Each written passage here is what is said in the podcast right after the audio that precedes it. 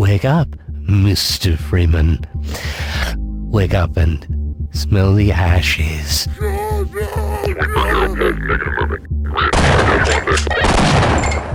It's time to kick ass and chew bubble gum.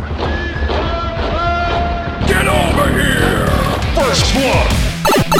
Mamma mia! Let's do this. Hadouken!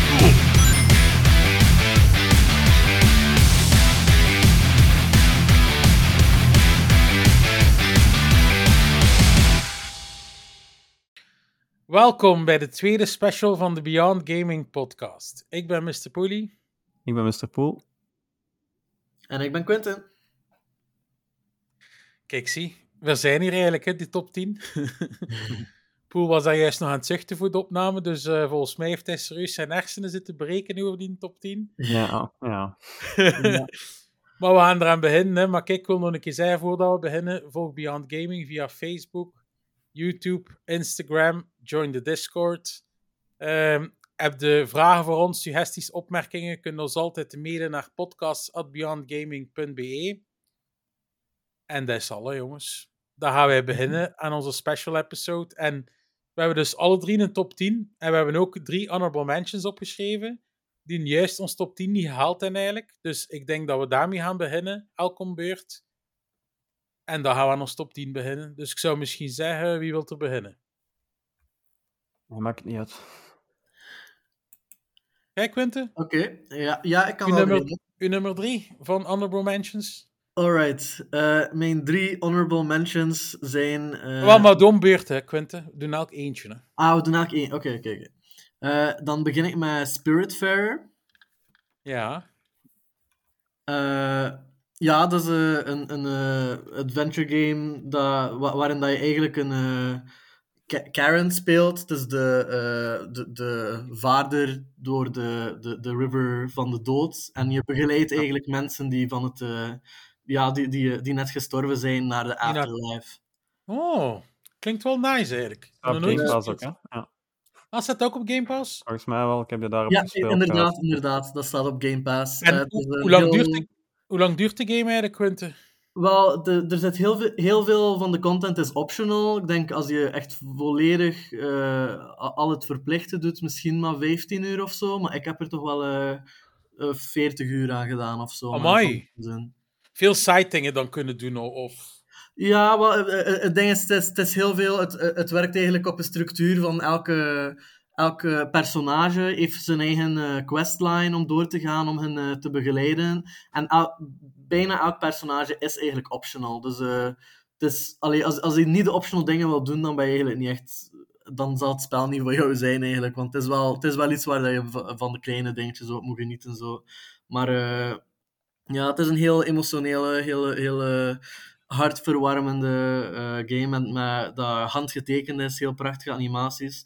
En eh, ja, qua gameplay is het zo een beetje een, eh, een eh, combinatie van farming sim, dus een beetje Stardew Valley, want je, je, hebt je boot en op je boot moet je tegelijkertijd zo de, de woonplaatsen van al je bewoners ja, maken zoals dat ze het willen, maar heb je ook granen en, en, en groenten en ijzer en zo dat je moet bewerken. En het is eigenlijk een, een mix van een Metroidvania met een farming sim, met dan nog zo die ja, emotionele persona-achtige elementen tussen, zou je kunnen zeggen. Oeh, heb me wel benieuwd gemaakt. Ja, het is een unieke game, eh, dus ik zou het zeker aanraden. Mijn backlog ga je weer stijgen, ik voel het. Dan eh, zou ik zeggen, Poel, uw nummer drie van de Honorable Mentions. Ehm, ja, ik had het al eens een keer laten vallen, denk ik. Dat ik eigenlijk heel mijn eh, lijst, heel mijn top 10 en mijn honorable mentions eh, kan, gemakkelijk kan volzetten met shooters. Want dat is een groot deel van mijn eh gaming repertoire van vroeger. Dat is ook een beetje dat ik begonnen ben op PC. Ehm, maar bij mij staat dan op nummer 3 een hele bekende, dat is Unreal Tournament 99 Ah, ja, ja, ja. heel veel tijd ingestoken. Ik heb hem zelfs nu ook nog eh, staan. Blijft gewoon een geweldige game om zo eens een paar matchjes eh, gewoon team deathmatch te doen. Echt gewoon kei tof. Met die announcer en zo, eh, double kill, multi-kill, ultra kill. En dan de monster kill natuurlijk, eh, geweldige announcer ook. Hè. Wel natuurlijk zot dat dat eigenlijk zo'n iconisch spel is, maar dat dat nu zo ja, echt wel wel verdwenen is eigenlijk. Hè.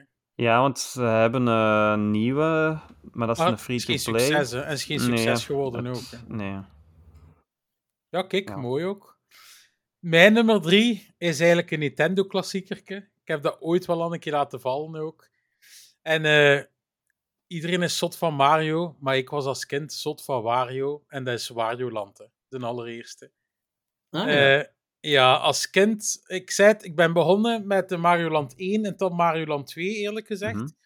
En dan vanaf dat ik dat ooit een keer eh, van een kameraad had gespeeld, Wario Land, was ik daar zo aan verknocht. Ik vond Wario zoveel cooler in die game dan Mario, die stoten naar voren dat hij zo geeft, Wario en al. Eh, Ehm, en ik moet zeggen, ik heb die game dan uitgespeeld, geleend van die kameraad. Ik heb dat dan later zelf ook nog gehad, die game. Ik heb dat dan nog een keer uitgespeeld. En als ik dat zie en ik hoor die geluidjes, oh, dat is ja, dat is echt een groot deel van mijn jeugd geweest. En ik zeg het, eigenlijk spijtig dat er nu niet meer zo echt Wario games uitkomen. En wat voor game was dat eigenlijk? Want ik ken dat niet, zo, zo de Wario franchise. eigenlijk, is, het- eigenlijk is het Mario Land, maar dan met Wario. Maar het verschil is natuurlijk dat Wario andere movejes heeft. Ah, ja. Ja, het is en dat... een beetje een slechterik. Hè. Het is, eh, Ja. Het personage ken ik wel. eh de, het is enkel een, die games niet. een geldwolf eigenlijk. Ja. Ja, inderdaad. En, En dat ja, maakt het zo fun, hè. Gewoon, ja. Mario is de brave versie van Wario, om het zo te zeggen. En Ja. Het is alle twee wel een beetje dezelfde soort gameplay dat erin zit, maar ik vond Wario toch ja, iets cooler. En de dingen dat je dan kon doen met Wario, like dan naar voren lopen en zo mensen wegstampen, terwijl Ja. je met Mario in de lucht moet springen en zorgen dat ze je niet raken. Want is, weet wel, bij Wario konden ze echt... Wario was wel iets makkelijker ook dan Mario. Ja. Mm. Maar ja, ik weet niet. Dat is echt een game dat ik een warm hart toedraag. En ik zei het, ik vind dat heel spijtig dat er nu geen nieuwe games meer van komen. Ja, gelijk dat je zegt, zo die, die moves, hè, zo echt je schouder naar voren en vol een bak Ja. rushes zo tegen de vijanden. En hadden zo ook niet verschillende helmen dat je kon opzetten? Ja, inderdaad. En Ah, ene, ene blazen zelf vuur, dacht ik. Of Ja, zo. ja, ja. Zo- Zo'n het? beetje gelijk Kirby. eh, Ja, en die muziekjes, hè. ja. Die muziekjes van die eerste Wario, dat zit nog zo in mijn hoofd. Ja, iconisch voor mij. Blijft Ja. eh, een goede game. Ja, Quinte. Oké, mijn eh, volgende is eh, Disco Elysium.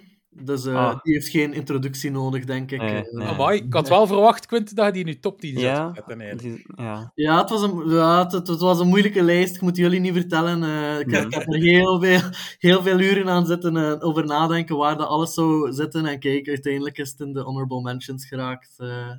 dus eh, ja, allee, het is eh, duidelijk een, een heel ja, gewoon pra- prachtig eh, ontworpen adventure game. Met zo'n diepe, goed geschreven personages en filosofie erachter. eh, dat ik Mhm. het, eh, ja, kijk, ik heb er heel veel respect voor. Speciaal ook, hè. Dungeons and Dragons. eh, een keer op een ganz andere manier, natuurlijk. Ja, inderdaad. Ja, zo de, trouwens- RPG. Ja. We wijken misschien een beetje af, Quinte, maar die een Pentiment dan al geprobeerd? Nog niet geprobeerd. Hij, is- hij staat geïnstalleerd, want Ah. ik wil inderdaad ik wil hem eens proberen, zodat, eh, zodat ik hem kan eh, overwegen voor Game of the Year. Ik ben aan het proberen alle games van dit jaar eh, wat te overwegen. Dus ik moet hem nog eens... pro- ik, zal, ik zal hem binnenkort proberen, maar nog niet aan begonnen. Ja, maar ja, ze vergelijken hem wel een beetje met Disco Elysium. Hè. Ah, ja. Ja, cool. Ehm, bij mij de nummer 2 is dat dan eh, Lone Echo.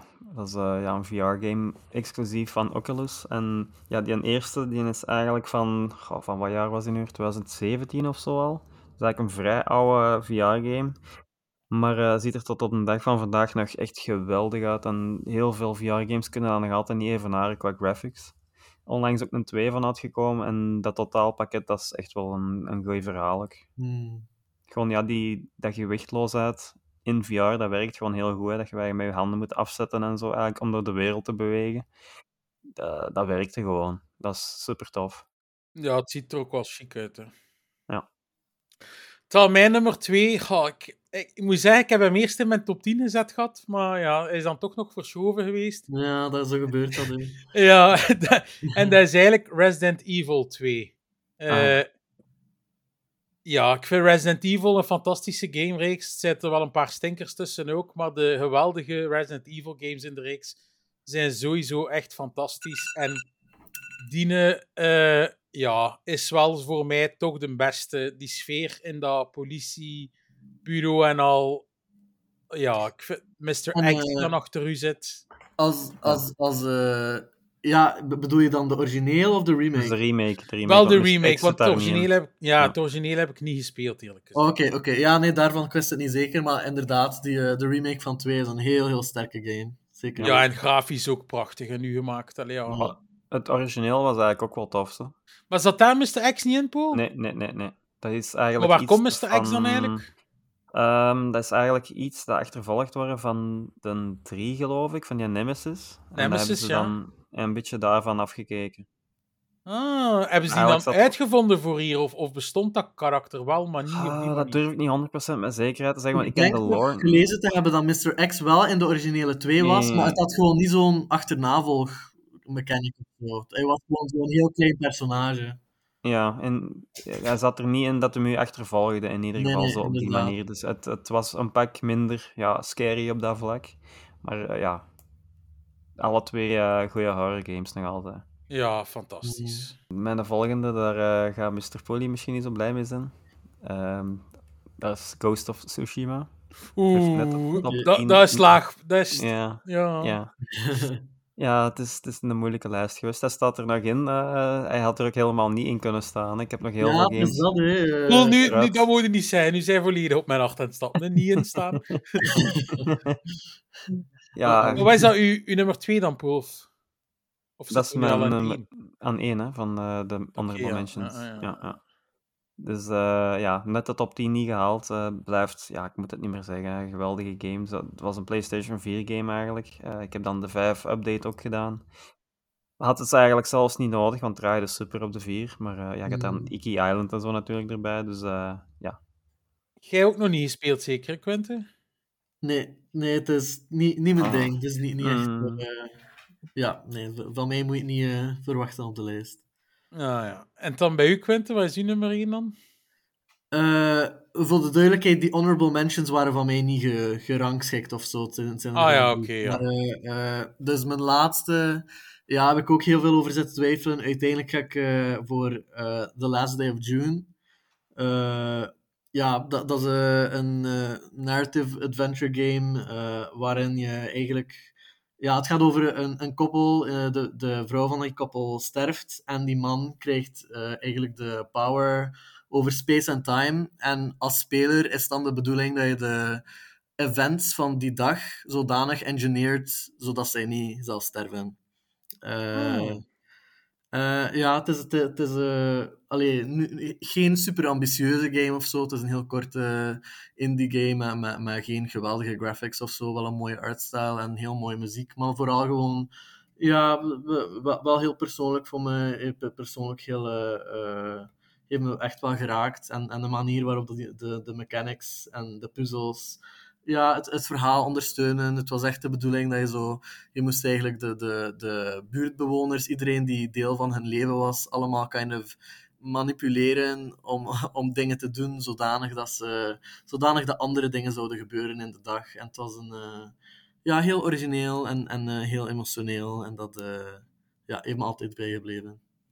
Ah, nice. Dan bij mij nummer 1, oh, die doet mij pijn. Ik wou die eigenlijk ja, echt in de top 10 zetten, maar ja. Dat is bij mij Final Fantasy 7 Remake. Eh, Oké. ja, we hebben er al een keer over gehad, hè, Paul, hoe fantastisch Ja. dat ik dat vind. En ik vind dat echt een fantastische game. Maar dan, als ik dat moet vergelijken met dan de uren dat ik in games gestoken heb, soms met, in mijn top 10 is hij er dan juist buiten gevallen. Maar ja, ik, ik kan hem ook perfect erin zetten, want ik vind dat echt fantastisch. Ik heb de originele nooit gespeeld, maar ja, Ja. die graphics, dat verhaal, die sfeer, die muziekjes. eh, ja, Cloud is een super tof eh, main Mhm. character. Mhm. Ja, ik zei het, kijk, ik ben alweer benieuwd eh, als we eindelijk het vervolg gaan krijgen van Final Fantasy 7 Remake. Ja. Financieel gezien gaat dat ooit wel gebeuren. Alleen met, met hoe succesvol dat het was. Maar eh, en ben je curieus om het origineel eens te proberen? Of eh, denk je dat je dat enkel gaat doen als de, als de serie van remakes stopt? Die graphics, eh Quint, Ja, zijn iets te moeilijk om door te bijten. Dat snap ik volledig. Ja, wa- want ik heb ook altijd gevonden, dat is één... eh, Allee, we, waren vorige keer dat ik hier was ook ja, best kritisch over remakes. Ik, ik, ik vind niet dat alles een remake nodig heeft. Dat was nu eens één game dat absoluut geweldig was voor een remake, want de graphics waren verschrikkelijk en de thema's en verhaal was zo tijdelijk. eh, waardoor, ja, was een perfecte game om te remaken. Maar inderdaad, die graphics waren kei, lelijk. Toch is, ja, eh, de originele 7 ook nog wel... ja, Maar ja, ik denk in een tijd dat het zo gespeeld en Poel heeft dat wel Ja, gedaan. ja. Hè? Ja, dat dat dan wel. wel niet lelijk zal geweest zijn, natuurlijk. Maar als je Dus daar zelf nu dat. naar kijkt. Zelf dan Pas denk ik op, dat het... pas op, eh, pas op, pas op. ja. Ja, nu is natuurlijk, ja, we zijn zoveel meer gewoon natuurlijk. Ja, dat is waar. Nee, maar het was ook kind of revolutionair. Hè. Ze, ze, waren aan, ze, ze waren echt at the edge of 3D eh, graphics op dat punt. Dus of het at the time of release mooi was, weet ik niet. Maar het was wel pushing the edge. Dus dat is sowieso ook al iets eh, lovenswaardig. Je krijgt binnenkort Crisis Core ook nog, hè? Ja, Mhm. daar ben ik. Poel, ik moet. God, het staan al drie, drie games op mijn lijstje voor december. Dus ja. Kijk, ja. Dan eh, zijn we door onze honorable mentions heen. En nu komt het moeilijkste eigenlijk. Hè. Dan gaan we Ja. van af nummer 10 tot aan nummer 7 lopen. En daar gaan we een keer verschillende luisteraars onder top driekjes voorlezen. En Ja. ik zou anders zeggen, daar is juist waar hij begonnen, zeker Quentin? Eh, ik ga gewoon even mijn eh, regels geven. In de zin van, ja, zo'n zo'n eh, top 10 maken is, eh, was heel, heel moeilijk. Voor mij was het enkel gelukt doordat ik mezelf gewoon wat regels heb op, opgesteld. Dus die eh, geef ik hier nu gewoon. eh, ik heb ge- ge- ja, gekozen om enkel één, eh, één game per ontwikkelaar te, eh, te kiezen. Anders was het me gewoon niet gelukt. Dus, eh, Mhm. dat Ah, ja, ja, ja. Ja, ik moet ook wel zeggen, van gamereeksen, allee, dat ik fantastisch vind, heb ik ook wel ja, één game gekozen. Ik zou er ook meerdere soms kunnen inzetten, maar ja, dat vond ik niet eerlijk om dan de andere games te moeten voorskippen. Ja, wel, je, moet, je moest, we moesten wat plaats maken, hè. maar eh, ja. Dus eh, dan begin ik dus met mijn nummer 10. Eh, die ga je wel tof vinden, denk ik, eh Mr. Pooley. Die is, eh, dat is God of War 2. Oeh, ja, die vind ik zeker tof. Nee, dat is, eh, dat is een van de games zoals dat ik eh, op mijn eerste keer dat ik bij de podcast was, eh, ja, dat me echt gaming heeft eh, beginnen doen appreciëren. eh heeft me echt volledig meegetrokken in zo'n engaging verhaal dat, dat, dat tegelijkertijd zo vol actie en vol platforming eh, en, en geweldige graphics voor de tijd. eh, het, het was me echt, dat me gehypnotiseerd op een manier dat geen andere game op, tot op dat punt gedaan had. En, eh, en ik kijk er nog altijd naar terug als, als toch de meest leuke eh, God of War qua, qua gameplay dat ik me kan herinneren. Toch? ja. Jij, Poel, dan? En mij op nummer 10 eh, staat Divinity Original Sin. Nou, Mm. dan moet ik eigenlijk niet eh, een uitleg aan geven, denk ik, Polly. Nee, maar ik ben weer verbaasd, Poel, dat toch nog zo hoog staat. Want de Ik uur erin gepompt is wel... Ik zou, allee, z- ja. ik zou zeggen zo laag. En maar ja, je weet wat ik wil zeggen. Ja, ik had verwacht dat hij hoger zou staan. Ah ja, dat hij meer... Ja, eh, goh, ik heb eh, zoveel games eh, in mijn carrière gespeeld, Dus, er zijn keuzes gemaakt moeten, zijn, moeten worden. Dus ja, 10 valt dan nog mee- wel mee, denk ik. Ja, Ehm, dan, eh, dan moeten we bedenken, al onze luisteraars moesten het toch garmen naar drie, naar Mhm. drie doen en wij zitten hier te klagen. Oh, dert- uiteindelijk mochten we dertien dingen kiezen. eh. ja, Dat Ja, we, we zouden graag de luisteraars Quentin ook top 10 gegeven hebben, want dan ging onze podcast-episode vier uur duren en Ah, dat dat is weer wat doen zijn. Ehm, ja, Original Sin, ik had er even goed een twee op kunnen zetten, want ja, dat is, dat is ook zo één coherent verhaal eigenlijk. Mhm. Maar ehm, ja, de, de één, dat was zo toch de strategy RPG game dat mij een beetje terug naar het genre toegetrokken heeft, want die games zeggen mij in het algemeen niet zoveel, maar die Original Sins, die doen iets ja, origineel, laten we zeggen. Zo met die, met die eh, verschillende elementen dat ze werken, je kunt die dan combineren en, en de dialogen, weet je ook, die zijn soms ronduit, ja, superieur gewoon. En je kunt dat spel ook verschillende keren spelen. En, je kunt verschillende dingen Ja. meemaken, inderdaad, dan dat je daarvoor niet hebt en meegemaakt. verschillende companions kunnen mee, en meepakken. En, en dat verandert al heel de gameplay. En ja, dat, dat, is gewoon geweldig wat je allemaal kunt doen. Ik vraag mij wel af, ik weet dat Larian Studios met Divinity 2 Pool vooral echt al de groot succes gehad hebben. Maar was Mhm. Divinity 1 ook al zo'n groot succes? Of Ja, ja, nog- ook al, ja. Ja, maar ze zijn wel beide gekickstart geweest. Ah ja, ik dat weet is- dat Infinity 2 echt wel de grootste was op een bepaald moment. Allee, ja, dat dat wel echt... eh, Ja, de eerste ook, zo, die had het ook heel goed gedaan. Dat Ah, was ook ja, ja. vrij snel gekickstart geweest. Maar Divinity is sowieso, die zijn al heel lang bezig ook, hè. Van de jaren 90 en zo. Dus eh, ja, die, die hebben al wel naam, maar die zijn heel lang van, van, eh, van het veld af geweest.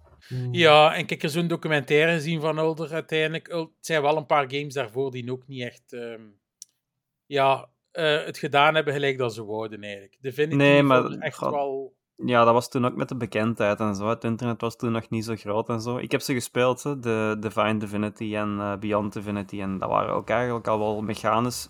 En qua dialoog, goede games. Want er zaten, ik heb het tegen u ook toen gezegd, toen met die skeletjes daar. Ik heb een exacte conversatie gehad in een van die vorige games en dat was toen ook al keigoed. ja. Dus ja. ja, ik vind het ook wel fantastisch. Het is, eh, ik ga het al zeggen, die is er spijtig genoeg niet in geraakt, omdat ik hem er Ja. altijd niet uit heb. Maar ik Maar vind dat wel gewoon- ook fantastisch Ja, gewoon wat dat ze doen met genre en wat dat ze allemaal toelaten. En je hebt dan die teleporter pyramids waar je zat mee kunt doen en zo. Dus dat is echt wel ja, kei tof gewoon. Ja. Ja, mooi, mooi. Eh, mijn nummer 10. Goh, het, is, het, is, het is echt moeilijk, maar dat is The Last of Us 2. Oké. Ik kon dat eigenlijk ook wel nog, ja, nog meer naar de top 3 of 4 of zo gezet hebben, maar ja, de games die daarvoor voor Dus dat, hè. Er zijn Ze er... Ja, ja, komen, ja, ja, zijn- ja, ja. zijn nog zo knallers. En ik moet wel eerlijk toegeven, want we stoeven wel altijd op The Last of Us 2. En ik vind nog altijd The Last of Us 2 qua story een van de beste story games ooit. Maar qua gameplay is het wel niet de beste game. Dat moeten we wel eerlijk toegeven. Allee, dat vind ik toch. Maar mechanisch, ja, Het, het, zit gewoon in elkaar sowieso. Hè. Paul, maar ik wil zeggen, qua gameplay deed het niet zoveel vernieuwende of zotte Nee, dingen. at the end of the day is het gewoon een third-person shooter met stealth Met elementen. inderdaad. Ja. Dus Maar het nee, is al wel- daar ben ik ja. zeker mee eens, ja. Het is Eh, mechanisch al wel een pak beter dan de eerste. Ay, wat je kunt doen qua moves. Ja, ja, en- sowieso. Maar Ja, ik zei, dat de gameplay is ook goed, maar de gameplay is niet het sterkste van de game, vind nee, ik. het is Voor niet, de gameplay is niet de reden Nee, dat nee, nee, nee, het nee. Dus Het is dat. echt wel de story, ja. Voilà, Ja. dus kijk, anders had hij misschien dan nog hoger staan, maar daar was ik dan wel ook aan aan het denken van, de story is Mhm. een van de beste ooit, maar qua gameplay zijn er voor mij nog betere games. Dus kijk, nummer 10. Zeker, ja. Nummer 9, hè, jongens. Oké. eh, mijn eh, nummer 9 is Prince of Persia Warrior Within. Oh, nice. Eh, ja, dat is dus de tweede van de Sands of Time trilogy. En eh, ja, die heb ik heel veel hergespeeld. Dat was denk ik kind of net voordat ik God of War had ontdekt, denk ik. eh, dat ik Prince of Persia had ontdekt. En dat was... ja, dat, dat blew my mind. Het, het was... Allee, ik, ik, ik heb altijd wel van platformers ge- gehoord, maar ook gewoon... Ja, die, die, die main mechanic dat je gewoon kon terugspoelen wanneer je iets fout deed Ja. Dat, dat tezamen met zo'n zo'n platformer waar dat je makkelijk fouten maakt, waar dat er allerlei traps waren of zo, dat was zo'n geweldig idee. En wat dat dan uiteindelijk Warrior Within wel dit uitspringen naar mij boven het origineel dan, ook al is het, moet het zeker vermeld worden dat het echt ja, zo'n dark and edgy goth Ja, het is versie echt was. duisterder ja, dan. Ja, dat wel, maar, maar, maar wat, wat ik er echt ook geweldig aan vond, was hoe dat het steeds tussen verschillende tijdsperiodes aan het springen was. Dus Mhm, je, je, had, je had het ene kasteel dat je steeds aan het exploren was, maar je ging van de ene kant naar de andere kant. Ja. Dan, ging je, dan ging je door een portaal en dan ging je de precies ja, een gelijkaardig pad terug eh, backtracken, maar dan in overwoekerd andere... zo, ja. Ja, de, de, eh, de- dan is er ineens veel meer plantgroei, of, of, of zijn de traps veranderd, of, eh, of andere enemies en zo. En dat, ja, dat, dat, dat heeft me altijd eh, echt enorm, enorm geboeid. En ook het feit dat je er al die... ja, je had heel veel secrets te vinden, die Mhm. je allemaal uiteindelijk moest gebruiken om dan de secret ending te unlocken, die uiteindelijk dan Kanon bleek. Ik, ik moet wel toegeven, ik heb hem nooit volledig kunnen uitspelen, omdat het einde, ik vond dat zo ingewikkeld, ik kon, ik kon gewoon echt niet meer volgen op het einde. Met, met, met, ja, met die tijd en dit en dat, en om de duur wist ik echt niet meer van, ben ik hier nu al geweest? Heb ik dat al niet gezien, dat stuk? En dat was echt, ik snapte er niks meer van. Inderdaad. Nee, nee, dat, dat snap ik volledig, want er, er, er is na de, in de third act dan nog een extra laag van time travel erbovenop, dat je nog eens teruggaat in de tijd, doordat je al terug aan het gaan bent. Het, het werd inderdaad heel, heel complex, maar dat, dat was juist een van de dingen dat ik er, dat Ja. ik wel cool aan vond. Ja, en de muziek, hè. De, eh, Disturbed, geloof ik, had de soundtrack meegedaan, Eh, ik, ik, dat kan dat zij... Ik, ik ken de bandname niet, maar hun, hun, eh, dat, dat liedje dat steeds terugkwam bij de Hakka. Ja, ja, ja. Ja, die gebruiken Ja, dat in de muziek altijd. Hè? Ja, Dus, voilà. eh, Ja, nee, en de, Hakka inderdaad was ook echt een heel, heel coole... De original Mr. X in a way, hè, dat, dat, die chase sequences waren echt hardpompend. Ja. Mijn nummer 9 is The Last of Us 2. Oké. Ja, die kon je niet van mijn lijstje weglaten, want ik heb het er al een paar keer over gehad. eh, heel goed verhaal. En dat is inderdaad wat politie daar draait dat spel ik gewoon om. Dat, dat, ja, dat haalt emoties boven. Mhm. Dat andere games niet doen. Eh, bouwt verder op de eerste natuurlijk. Met een tweede gaat echt wel een pak dieper in op eh, ja, de story. Hè. Dus, Ja, sowieso. Wel, dieper weten... Het, het is een ander verhaal, zou ik zeggen. Dat het, allee, het, het, Doe wel zottere het dingen, Het, Ja. Het, doet wel zo, het, het is structureel wat anders. eh, het allee, is je- volwassener hè, op, op verschillende gebieden ook. dat weet ik zo niet. Eh, Dat, ik, ik weet niet of ik dat zou zeggen, want eh, Ik, ik bedoel, qua characters. hè. Ik bedoel, Ellie is ook een pak ouder. Die... dat is waar. Dat is- Ja. ja. eh, voor, mij is, voor mij zijn ze heel verschillend. Ik vind, ik vind ze moeilijk te vergelijken, want ze zijn echt ze zijn een heel ander verhaal aan het vertellen met andere personages in a way, ook in de zin dat, dat Ellie gegroeid is. Maar, Mhm. eh, dus ja, die, die vergelijking weet ik niet dat ik het zo mee eens ben, maar inderdaad een heel eh, mature en, en diep verhaal dat ik eh, zeker ook kan appreciëren. Ja, het, het doet alleszins wel iets heel zot, eh The Last of Us 2, wat, wat dat nooit verwacht had op voorhand als ik aan die game begon. Nee, aan mij dat dat me op was... een bepaald moment toch eh, ergens een beetje kon doen veranderen voor wie dat ik aan het routen was, zonder iets te spoilen. Ja, maar dat had eh, ik dan weer niet, dat heb ik al eens gezegd. Hè? Ja, en wat me... Oeh, eh, heb je, heb je niet graag? Allee, en hoe kan, dat, dat, moet ik dan wel even dat snap ik dan niet. Als je, want, want dat was wel een beetje het punt om, om uiteindelijk Abby wel een beetje Ja. aan de kant te kunnen staan, niet? Ja, je, speelt daar dan mee, maar ik had daar gewoon geen feeling mee. Oh, Je, je zat in, in de ene eigenlijk al heel de tijd met, met Ellie en Joel aan het spelen, en dan speelde mij met de andere kant. Ja, nee, ik had er geen feeling mee. Ja, ik snap het, Poel, maar ik had dat in het begin dan ook. En in het dat is begin... de bedoeling, hè? En dan is Ja, de bedoeling ja, dat inderdaad. wel meer naar haar toe groeit, ja. En wel, en ik had dat inderdaad echt wel. En ik had niet verwacht een personage dat ik zo van hield eigenlijk, dat dat mij toch dan kon doen veranderen van mening toch wel. Dus dat vind ik dat, dat die game zo goed doet eigenlijk. Ja. Ja, ik ook. Ik moet zeggen, ik, ik, eh, at the end van eh The Last of Us Part 2 sta ik meer aan de kant van eh, Abby dan Ellie, eigenlijk, eh, moet ik zeggen. Hm. Eh, ik, ja, ik vond haar ook geweldig geschreven en, en eh, geweldig geportretteerd ook door eh, eh, Laura Bailey. Eh, ja, heel, heel goed geschreven. Ja, het is een emotionele rollercoaster, die game. Zeker weten. ja. Dan, eh, wat ook een rollercoaster was, is mijn nummer 9. En goh, ik zou hem ook veel hoger kunnen zetten, maar dat is Half-Life Alex. Hè. Ah, moest- Ik dacht dat je hier Rollercoaster Tycoon ging zeggen. Nee, nee, nee, totaal niet. Eh, nog altijd de beste VR-game dat ik ooit gespeeld heb, sowieso. Ik had daarvoor nog nooit Half-Life gespeeld en ik werd zo letterlijk meegezogen in die wereld. Ja. Goh, wat je allemaal kunt doen van physics in die game en dat verhaal is zo cool. Goh, en op het einde, Poel, hij weet ook, zonder dat we iets spoilen, naar het einde toe gebeurt er dan zoiets cool. Terwijl Mhm. dat ik daar dan eigenlijk geen voeling mee had, om omdat ik die oude games nooit gespeeld had. Maar toch vond ik dat zo epic ook, wat er gebeurt op een bepaald moment. En ja, Maar dat is Had jij, een- had, had jij episode eh, toen niet gespeeld nadat je dat gezegd ik, had? heb no- ik heb nooit Half-Life gespeeld. Ah, want eh, ik had u dat toch aangeraden om dan toch episode te spelen, want dat is Ah, eigenlijk wel- een stuk... Ja, nee, ik ben nu nog altijd, ik zit nu bijna, allee, ik zit nu in drie vierde van Half-Life 1. Hè. Hmm. Dus ik ben er wel, ik heb dat gezegd, ik ben die wel aan het inhalen. Black Mesa nu. En ik wil Mhm. Half-Life 2 daarna ook nog een keer spelen. Maar ja, we moeten het ook eerlijk zijn, het is moeilijk om dat op mijn leeftijd nu, omdat nu, het is nog altijd fantastisch natuurlijk, maar ja, het is niet meer zo revolutionair als mensen die dat in oudere jeugd gespeeld hebben, Half-Life 1 en 2. Ja, dat is een van Alex- de dingen. Het heeft zelf heel veel dingen begonnen, waardoor dat het nu normaal is. En nu beschouwen we dat Ah, niet meer ja, als, speciaal. Ja, Ja, ja. dat is een van de dingen van, eh, ja. Ja, wel, maar op VR-gebied natuurlijk wel, doen ze wel weer hetzelfde. Want ze hebben daar dingen in gestoken dat je in andere VR-games nog nooit gezien had. Mhm. ja. En dat spel is... goh, ja, ik ik zou dat echt ook nog een keer willen replayen. Want dat is echt van moment 1 tot de laatste moment echt fantastisch om te spelen. En ook Ja, heel, had- heel eh, veel goede mods hè, voor te vinden tegenwoordig. Ja, ja inderdaad. Ja, ik kan het wel geloven, want Half-Life was zo ja, heel lang gewoon... Heel de PC gaming community keek daarnaar als een oppergoot en, en, Ja. en ook verdiend. En ik denk, ja, de enige reden dat Alex niet in, de, e- in dezelfde range staat, laten we zeggen, is omdat, omdat het ja, VR, VR is, natuurlijk. Hè, ja. Ja, inderdaad.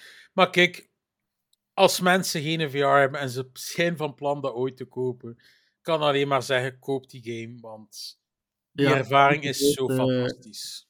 Ja, Ja. als, als Sony slim is, dan eh, hopen ze op een deal met Valve dat ze die dan op de PSVR 2 kunnen krijgen. Want dat zou echt heel veel, heel veel mensen de, die game Amai. kunnen laten spelen. Nee. het is wel de moeite om, eh, om hem eens te spelen. Hè. En hopelijk komt er een vervolg, hè, Paul. Ja, tuurlijk. En ja, als we het einde een beetje kunnen ja, een beetje interpreteren, zoals Ja. willen, dan zou het wel eens kunnen hè, dat we terug met Gordon spelen. Ja, we zullen zien. Kijk, ik ben echt benieuwd en kan alleen maar zeggen, dat spel is een meesterwerk. Oké, eh, is het dan aan nummer 8? Ja, Yes. nummer 8. En wel, dan ga ik de trend verder zetten. Eh, mijn nummer 8 is The Last of Us, maar part 1. Part Eh, 1 dan? Voor De mij is het wel remake of 1. de oude? Nee, de remake heb ik niet gespeeld, maar voor Ah, mij maakt het niet zoveel verschil. Het verhaal is hetzelfde. Ja, ja, op zich wel. Dus eh, ja, ik, eh, allee, ik, ik heb altijd... eh, ik heb ook zeker... Part, part 2 is ook heel nauw aan mijn hart. En ik heb allee, een, een, een essay van 30 pagina's geschre- geschreven in defense van part 2, omdat er daar zo'n politieke backlash na was en zo. Dus ik, allee, ik, ik heb, het is ook heel, heel nauw aan mijn hart. Maar at the end of the day vind ik part 1 toch iets sterker. Deels omdat het wat simpeler is, maar ook, ja, het, eh, het, kind of started something. Het, heeft die, die personages zo prachtig tot leven gebracht en, en, eh, en zo die relatie.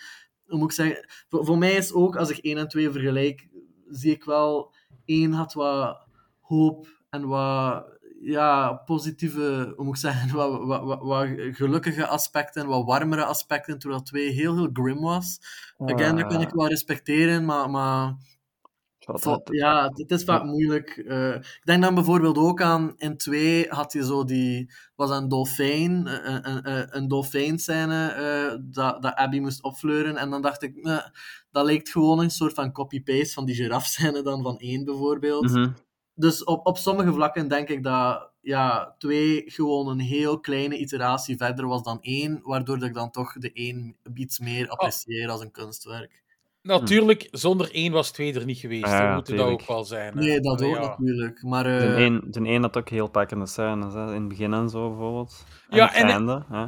Ja, Zo, ja, zo, oh, dat einde, ja. Sta, staan ze iedereen gekend als, ja, dat, dat is eh, impossible to get through without crying. Maar dan het einde, inderdaad. Het einde vond ik, va- van, van, van één vond ik dan bijvoorbeeld toch wel meer powerful dan van twee, want het, het was niet enkel...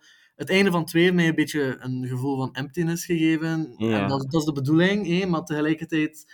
één eindigde met conflict en strenuousness en, en, en, en, en, het, gevoel, en, en het gevoel van meer. En, en voor mij moest er niet meer komen, maar, maar, maar het idee van eh, hier, is iets aan het brouwen en er is, er is dat zoveel richtingen op kunnen gaan. Het was zo pregnant with possibilities.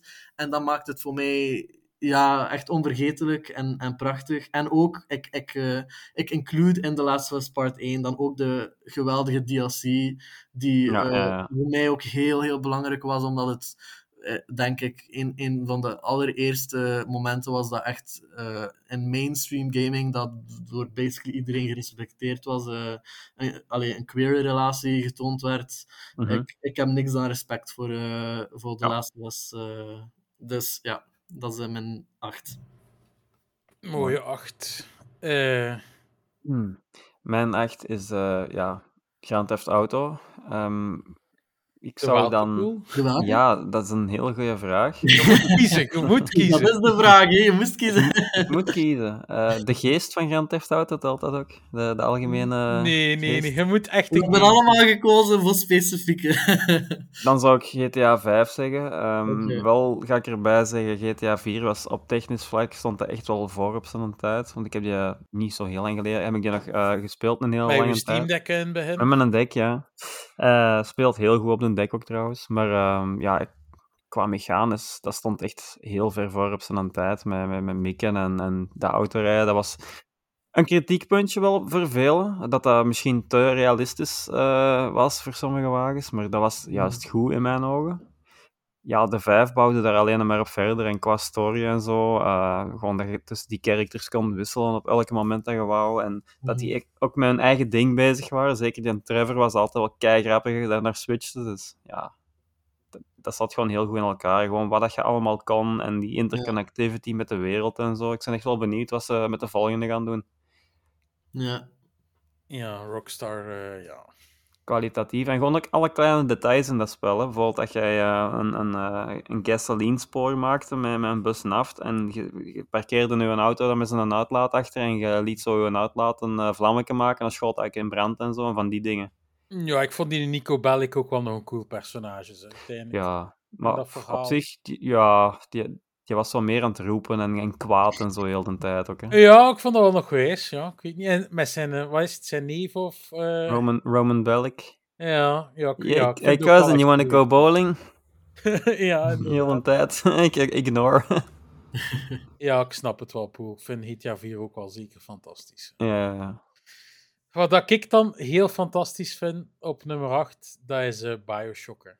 Hmm. Karel Jan, Mhm. als geluisterd, het is geen Infinite, het is Bioshock 1. ja, voor mij blijft dat nog altijd de beste in de serie. Die sfeer in Rapture, de manier hoe dat, dat verhaal verteld wordt, door die audiologs die je zo vindt en al. Mhm. Oh, Ja, tegenwoordig normaal, maar eigenlijk was dat toch eh, een van degenen die dat, die dat genormaliseerd heeft. Hè. eh. Inderdaad.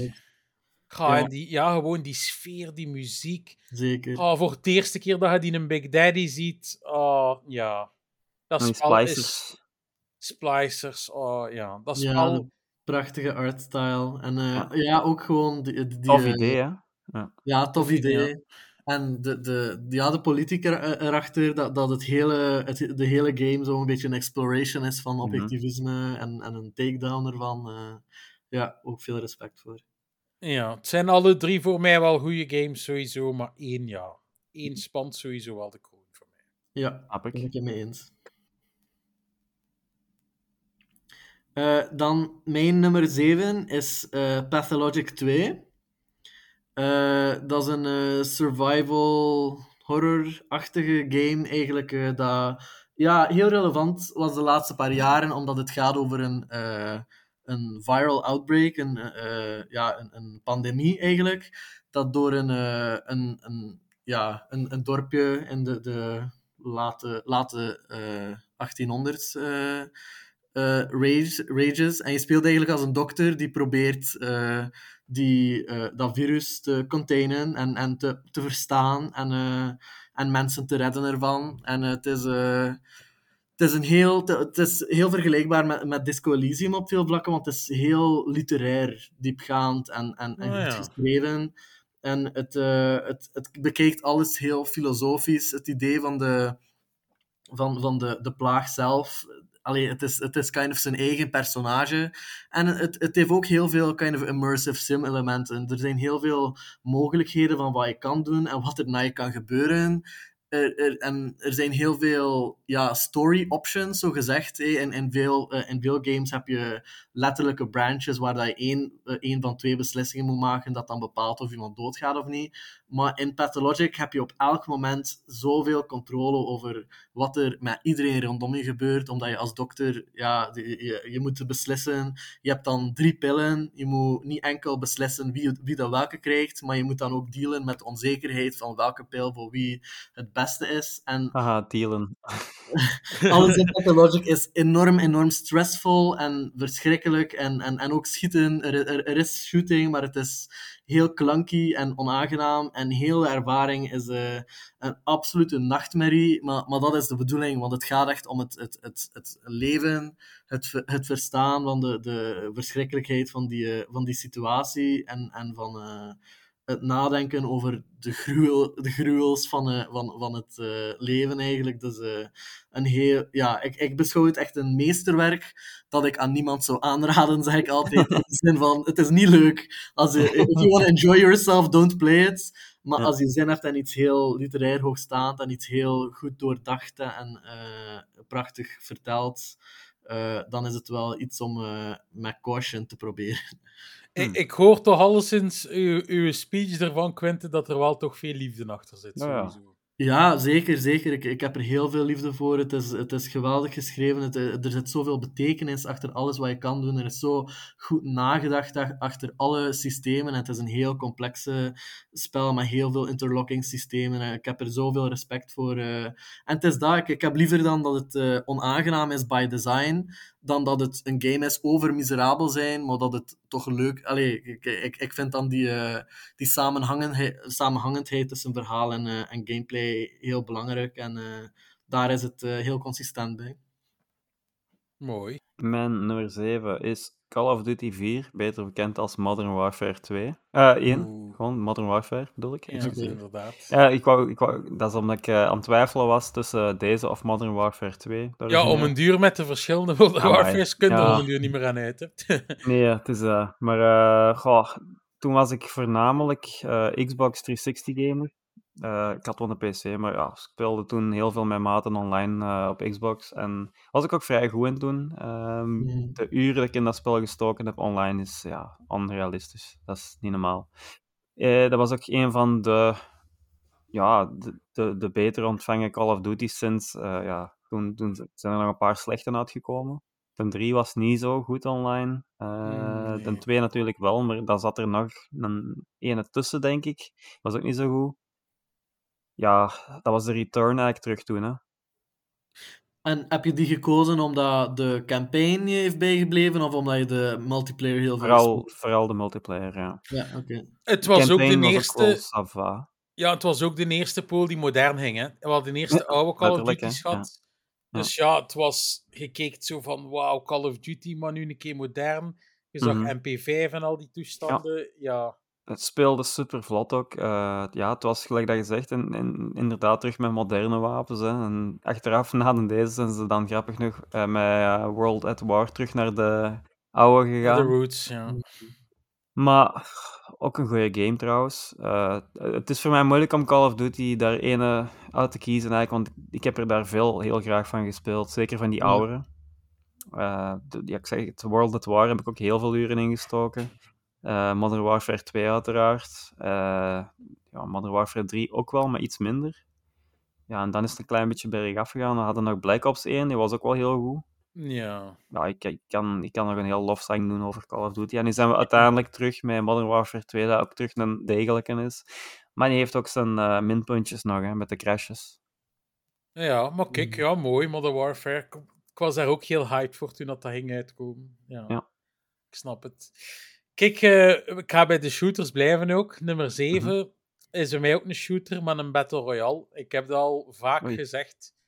Eh, voor mij, ja, Apex Legends. Ik vind dat... Ja. Ik hoorde daar meer dan-. Ja, ik heb daar meer dan duizend uren in gestoken. En Amai.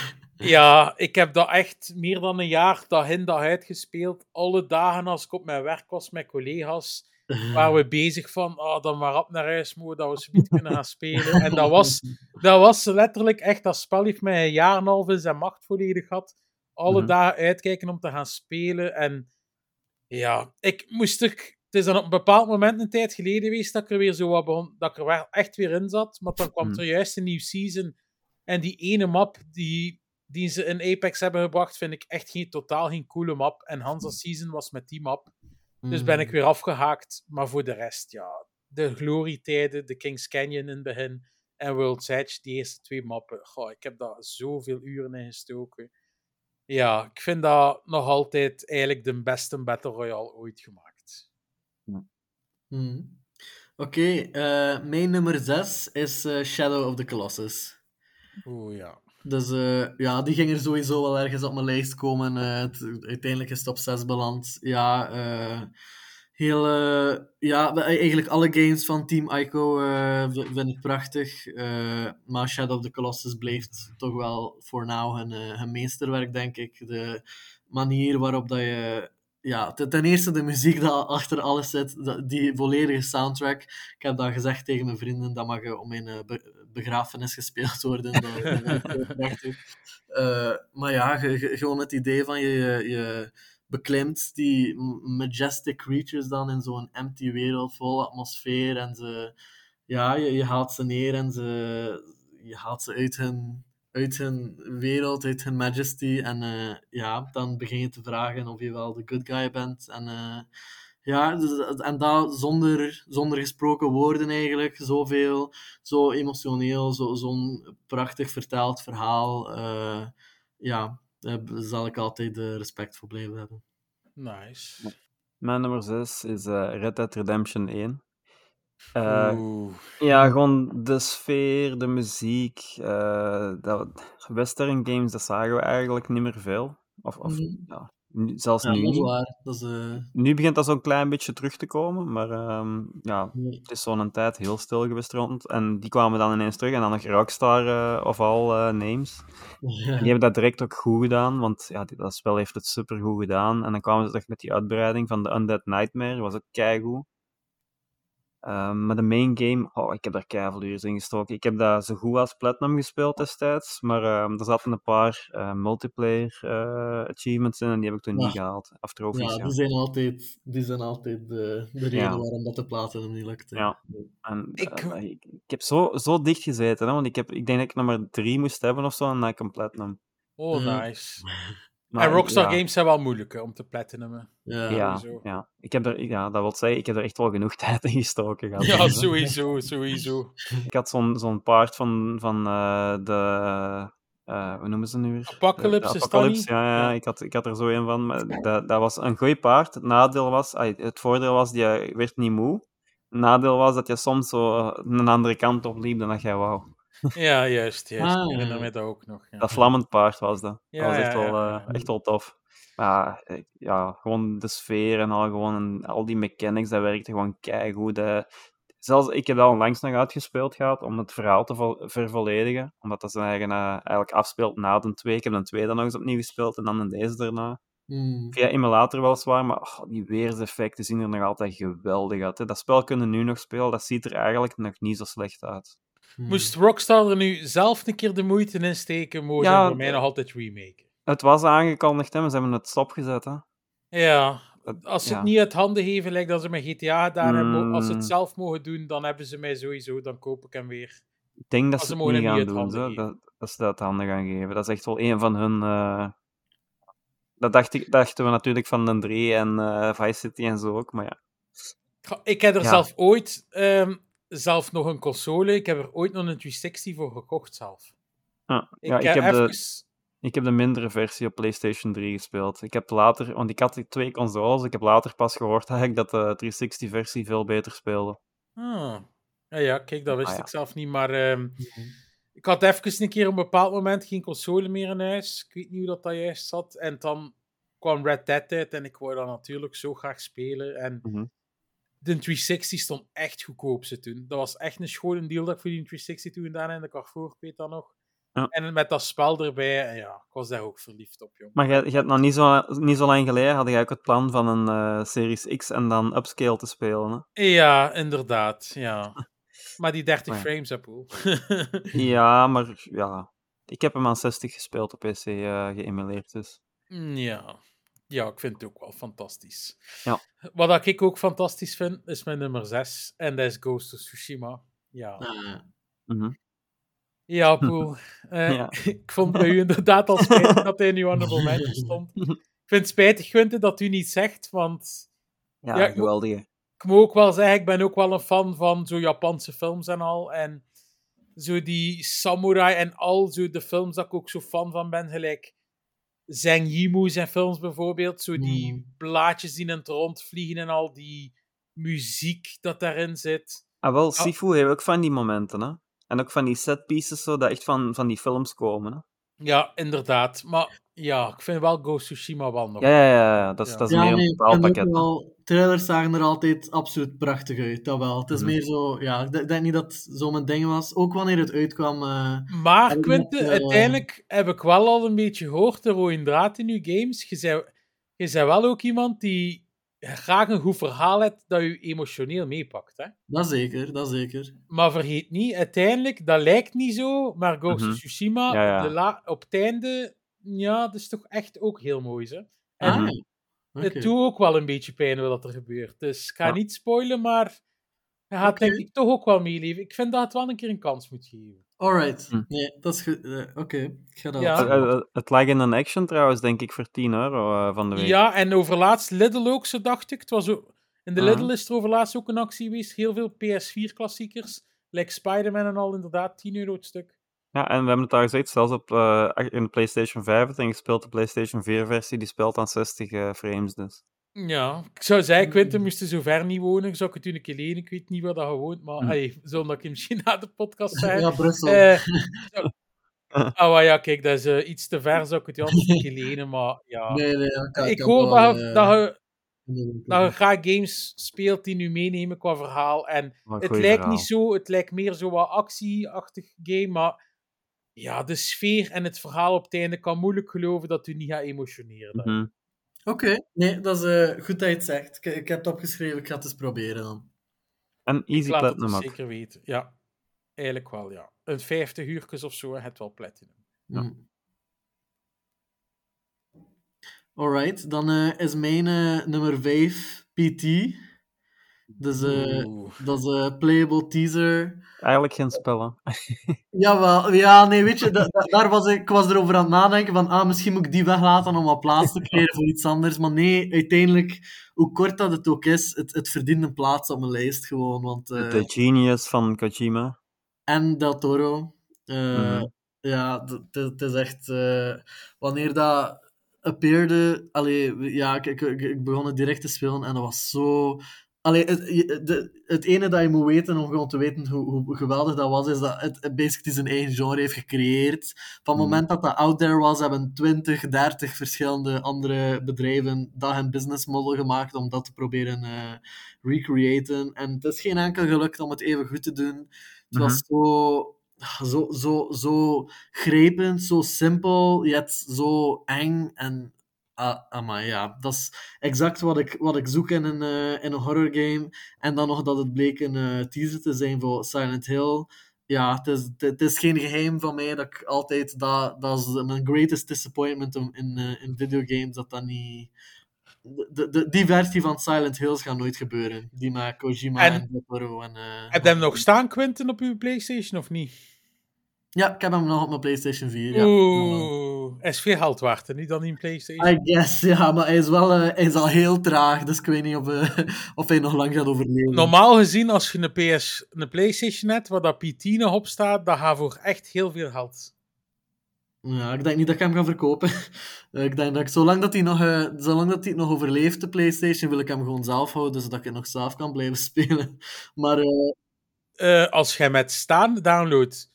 Ik weet, vroeger konden zo games overzetten naar een externe schijf op de PlayStation 4. Hè? Nee, dat nee, ik heb dat gaan? Nee. nee, nee, ik heb dat geprobeerd. Dat, Oh. dat laat het niet toe. Anders kon hij hem Nee. vereeuwigen. Ja, nee, dan zou iedereen dat gedaan hebben. Hè. Eh, Ja. Nee, dat kan niet. Maar eh, ja, we zien wel, want God of War Ragnarok is nu mijn PlayStation echt enorm doen. ik, heb, ik heb vaak het gevoel dat dat binnenkort gaat ontploffen. Dus. maar ik heb het u gezegd, hè, Quinten, als je echt een 5 zoekt, eh, wil ik u wel een keer helpen achterzoeken. Zo. ja, nee, inderdaad. Ik ben, eh, ik ben ook wat actiever aan het eh, rondkijken. Ja. En wel, kijk. Dan bij u, Poel.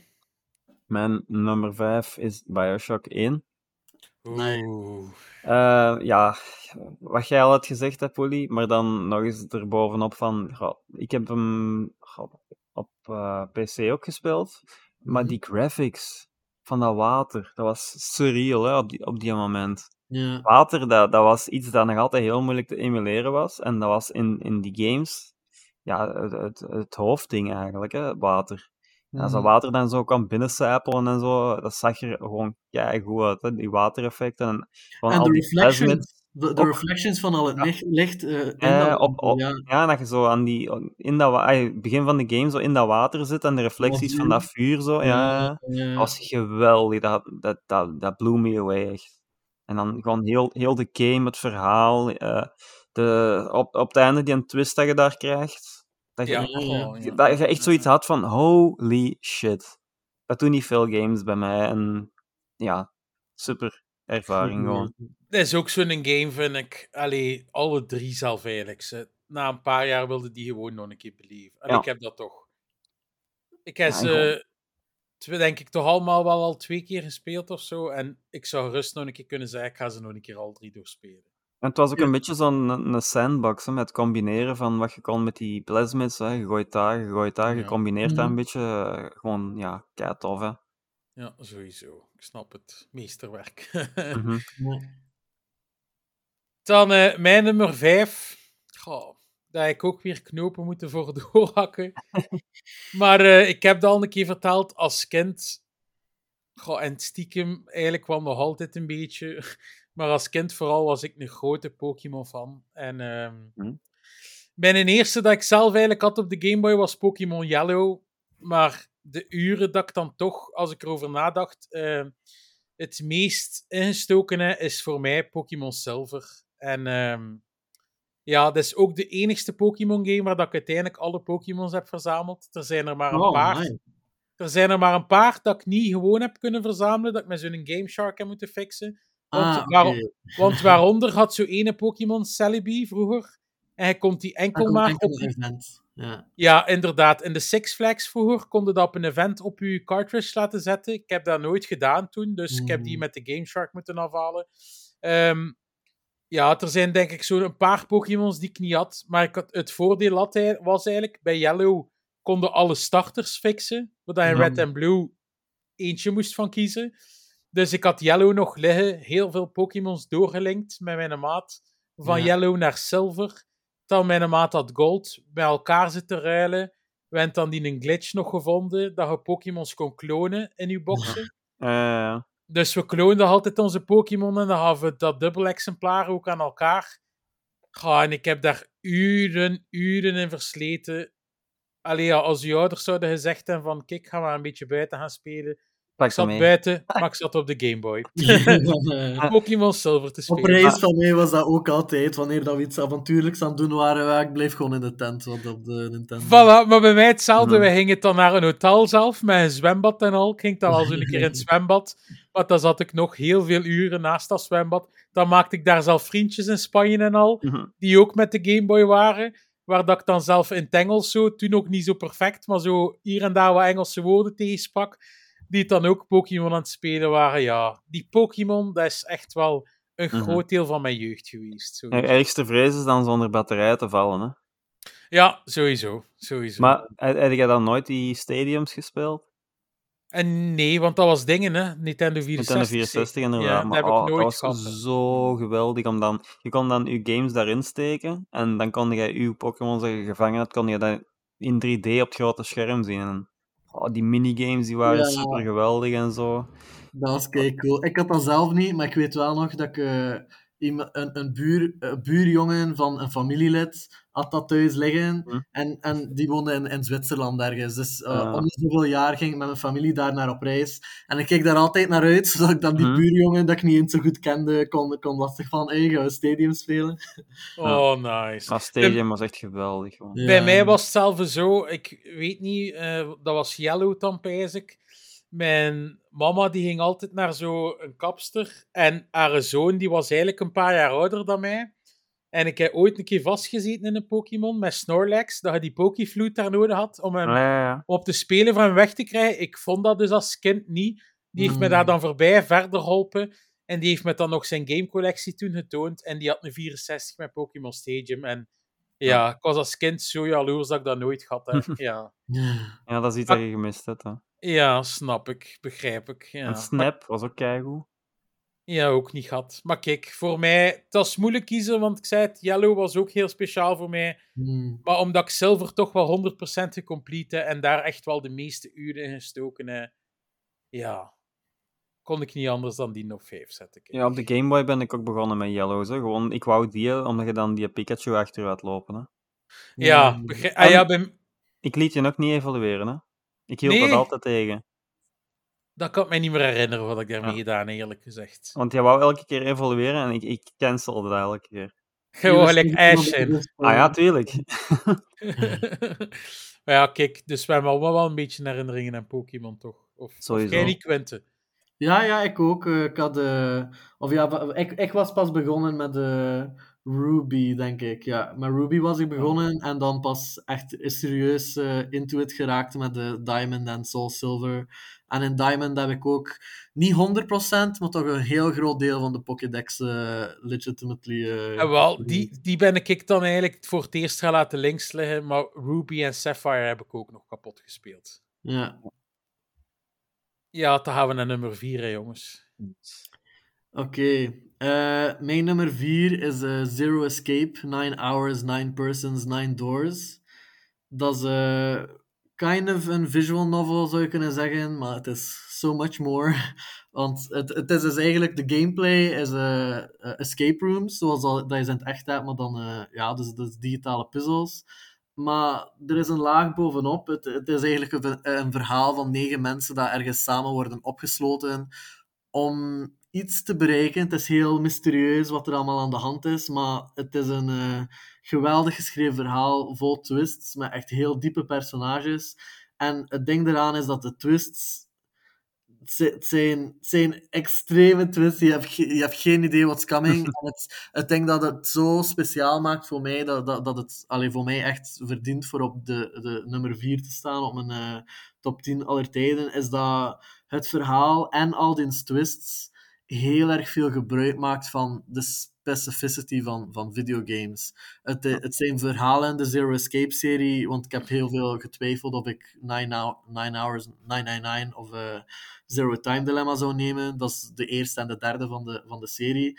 Ze zijn allemaal verhalen dat niet verteld kunnen worden in eender welk ander medium, want de speler de speler heeft een rol. Het is niet zoals andere games waar dat je een beslissing maakt en het heeft een soort van impact. Uh-huh. Dat is een deel ervan, maar het is, het is, een, het, is iets groter dan dat. Het, heeft, eh, het werkt met iets dat de developer Gates heeft genoemd, waar dat je eigenlijk als speler soort van ja, moet, moet, moet verstaan wat er in het verhaal gebeurt om een puzzel op te lossen, om daarmee verder in het verhaal te, te kunnen geraken.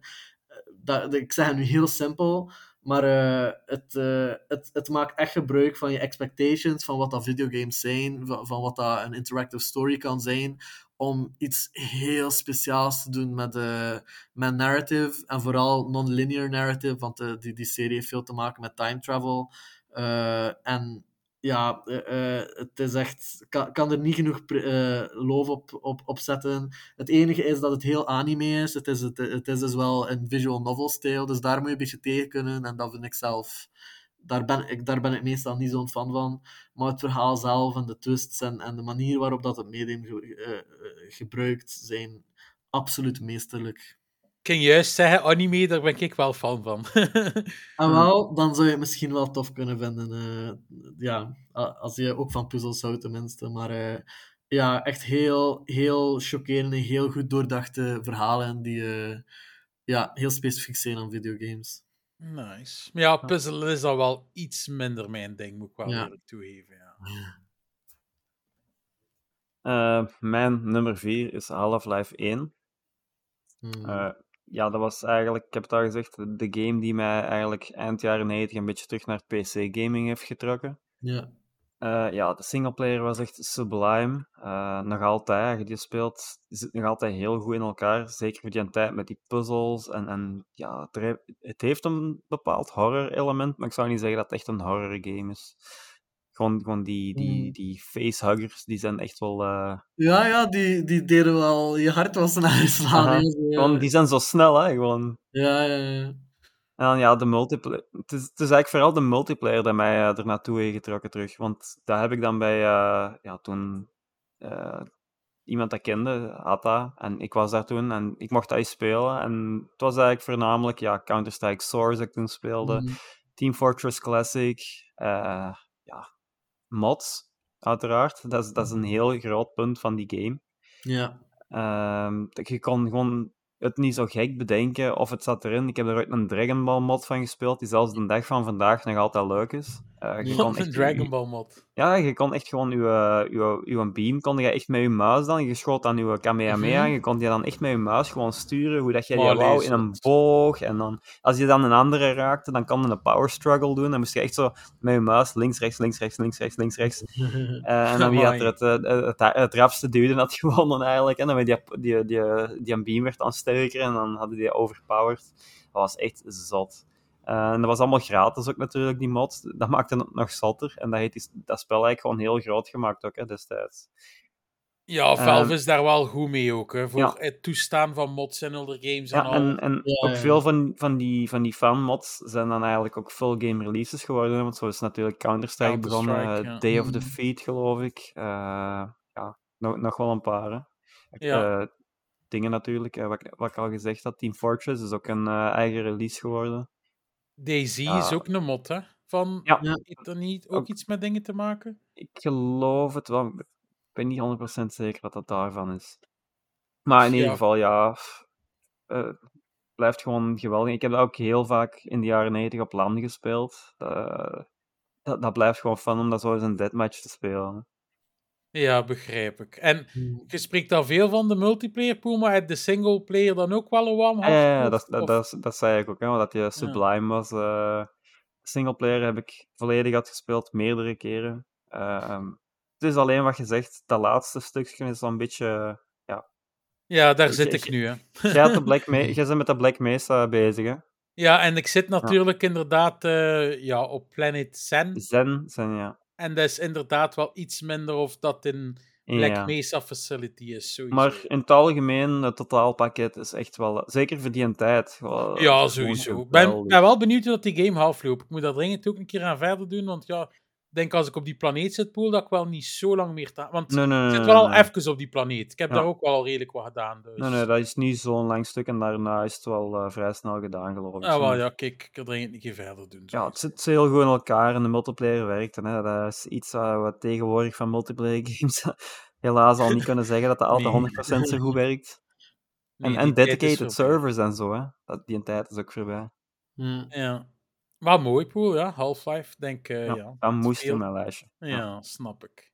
Zit ook in Eh, als een, eh, een, een- als een eh, intro, hè, dus... Voilà, ja, inderdaad. Ja. Bij mij nummer 4. ja, ik heb nog een keer op PlayStation trouwens gekeken gisteren. Ik heb daar 111 uur op gestoken op PlayStation. En denk 80 uur op PC, dus ik zit toch wel eh, bijna aan 200 uur. Dat is Mhm. Red Dead Redemption 2. Ik heb dat Ah, dus twee keer uitgespeeld. Ja, Ehm, dit hoor. Voilà. ehm, de 1 was fantastisch, maar voor mij is de 2 nog beter. Gewoon de manier hoe dat, dat verhaal geschreven wordt. En ja, Ja, alleen ik heb gewoon iets minder met Arthur dan met Marston. Ik vond dat een veel sympathieker karakter. Eh, Marston is inderdaad wel sympathieker langs de kant. Maar ja, ik vind de dingen met Arthur wel ook heel cool. En Ja, ja, ik zeg niet dat, ik zeg niet dat het slecht is, maar het is gewoon, ja, dat, dat is meer zo'n dronkenlap en zo. En, dan de Marston was meer grounded, om het zo te zeggen. ja, maar weten we dan natuurlijk ook, Dingespool, Red Dead 1, allee, was een handstuk korter dan Red Dead 2 sowieso. En natuurlijk, in de tijd dat je krijgt voor Red Dead 2 te spelen, steekt er nog meer tijd in en vind ik dat je nog meer feeling hebt met de wereld en zo, omdat je daar zoveel tijd in steekt. En ja, ik weet niet. Ik zei het, ik heb dat nu twee keer uitgespeeld en ik moet zeggen, ik zou dat gerust nog een keer kunnen... Ik zou het zelf eigenlijk nog een keer kunnen uitspelen. Het einde van een 1 pakte mij wel meer dan het einde van een 2. Ja, wel, ik heb je dat al gezegd, Poel. Bij mij is het al zodanig lang geleden dat ik van de één wel al dingen ben vergeten. Ja, maar je weet wie dat er sterft en zo. Hè, dus, Dat weet ik wel, ja. Maar dus ja, dat, dat deed mij meer, eh, minder bij de ene dan bij de andere, om het zo te zeggen. Ja, snap ik. Maar kijk, ja, als ik, ik toch Ja. moet kiezen, kies toch voor Red Dead 2. Ik vind dat Eh, zo fantastisch. qua mechanisch is een 2 natuurlijk pakken beter, hè? Wat je Ja, ik vind ook en qua zo. storytelling, ze Poel, eerlijk gezegd. Ik vind dat toch Ja. wel dieper halen op vele vlakken. Hè. Maar ja. Ja. qua character is misschien Marston wel nog iets cooler, maar ik vind gewoon de manier hoe dat verteld wordt. En gewoon met die bende, die overvallen dat je kunt doen al in twee, vind ik zo cool. Ja. Ja, en voor mij een masterpiece. Ehm, we zijn nu allemaal aan het uitkijken sowieso naar de nieuwe GTA, maar ik hoop dat bij Red Dead 2 ook niet stopt en dat we ooit nog een Red Ja. Dead 3 krijgen. Desnoods met een totaal ander personage, maar toch weer die western-stijl. Ja, Ja. maar als we zien hoe dat ze de multiplayer zo gedropt hebben, dat is toch wel. eh, Ja, en dan van de week zag ik nog het bericht dat ze weer iets geüpdate hebben. Of over laatst voor Halloween en ze weer wat update. En nu zat er weer iets in dan ze erin gestoken hebben. Dus af en toe geven ze nog iets klein, maar ja, het is te Mhm. weinig. Want de multiplayer zou ik ook wel anders uren kunnen insteken. Ja, ik snap het. Ja, kijk, ik denk dat we hier al allemaal heel veel toffe games en opgenoemd. Zullen misschien wel luisteraars wat games opgeschreven en ook voor onder een backlog. Dan gaan we een keer overgaan naar ons luisteraars, hè, jongens. Voordat Ja. we onze top 3 voorlezen. En ik zou zeggen, Poel, dat hij moet beginnen. Hè. Mag ik beginnen? Oké. ehm, de eerste is van Kenshi. Zijn een, eh, top 3 is als volgt. Op nummer 3 Hell Let Loose op PC.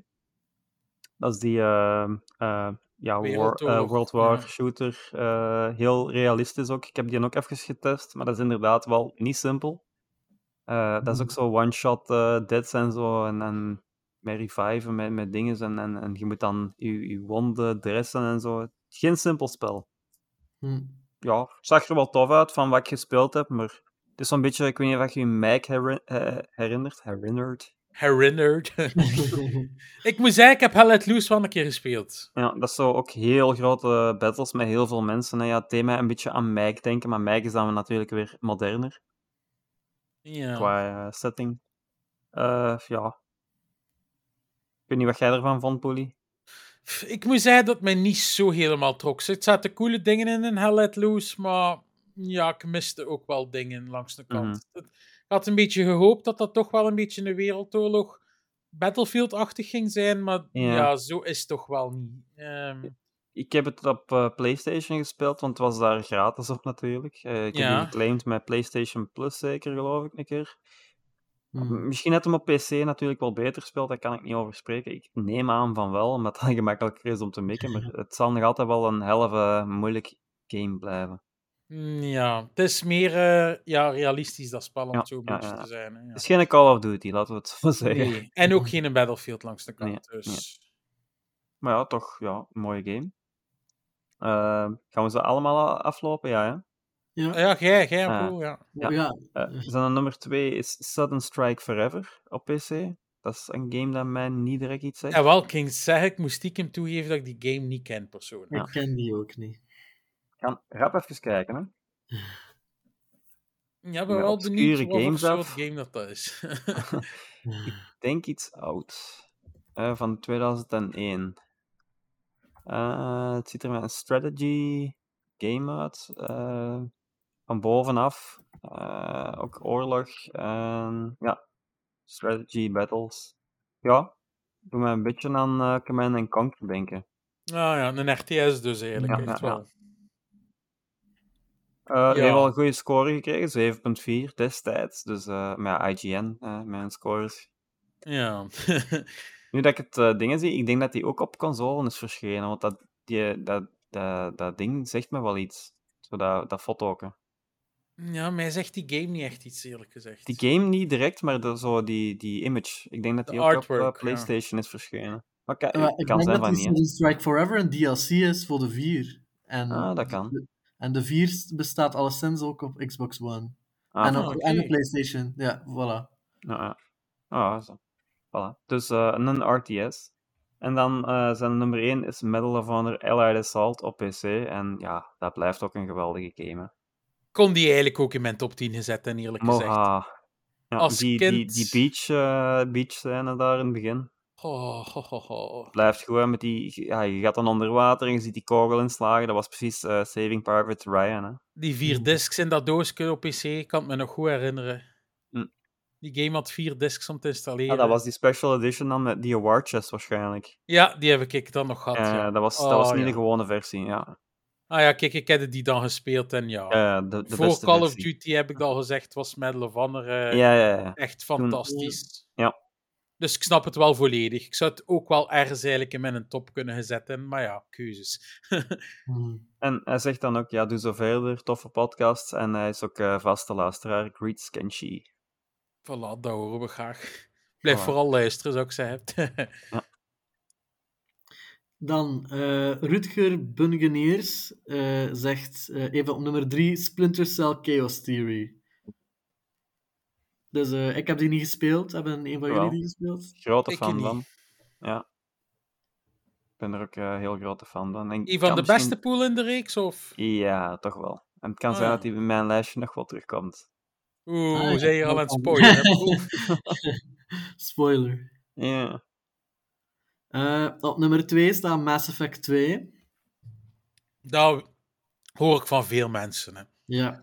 Dat ze Mass Ja. Effect 2 de beste vinden. Oh, ik, ik herinner mij daar nog een, een keigrappige scène met Joker in.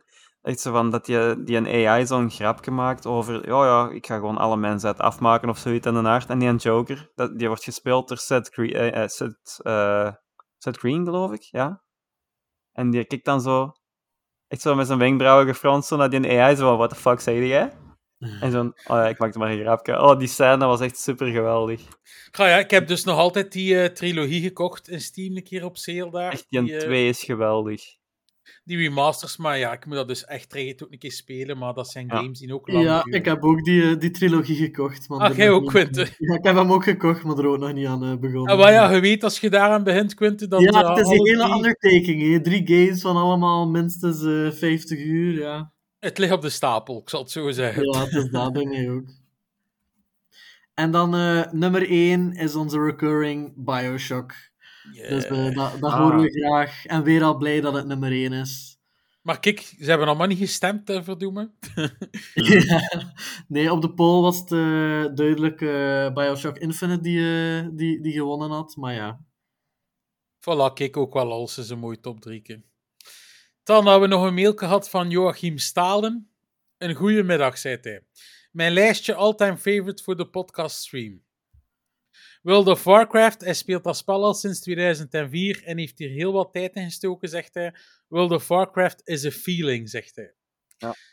Dan, wat ik heel graag hoor, Pokémon Gold, Silver, Crystal. Eigenlijk de hele franchise, maar voornamelijk de eerste games. Hmm. Ja, ik denk dat we het daar ook wel mee eens zijn. Mhm.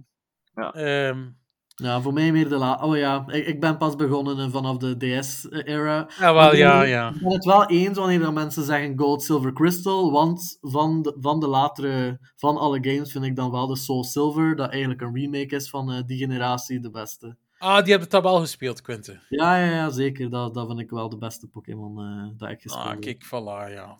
De, laat ons ook zeggen, de eerste 150 waren de beste. En Silver en Gold, bijvoorbeeld, waren ook nog heel goed. Maar daarna vind ik hier en daar wel zo wat Pokémons ertussen zitten dat ik zo zeg van, allee. De design Ah, van die Pokémons waren zijn best, ja. Ja, wel, wel ik, ik, ik, eh, ik vond het nog tot best laat cool. O- ook eh, Diamond and Pearl, vooral die aan heel veel coole legendaries en zo. Ik denk dat toch wel vanaf Black and White, dus Gen 5, is dat ze echt zijn beginnen eh wat stinkers. eh, Mm, ja. halen, eh. De sleutel en zo van die toestanden. Want, ja, Ja. inderdaad. Want het, is allemaal, het hangt ervan af waar dat je begint. Hè. Ik, eh, ik denk dat veel van de designs dat ik cool vind, jullie misschien eh, ook al stinkers vinden.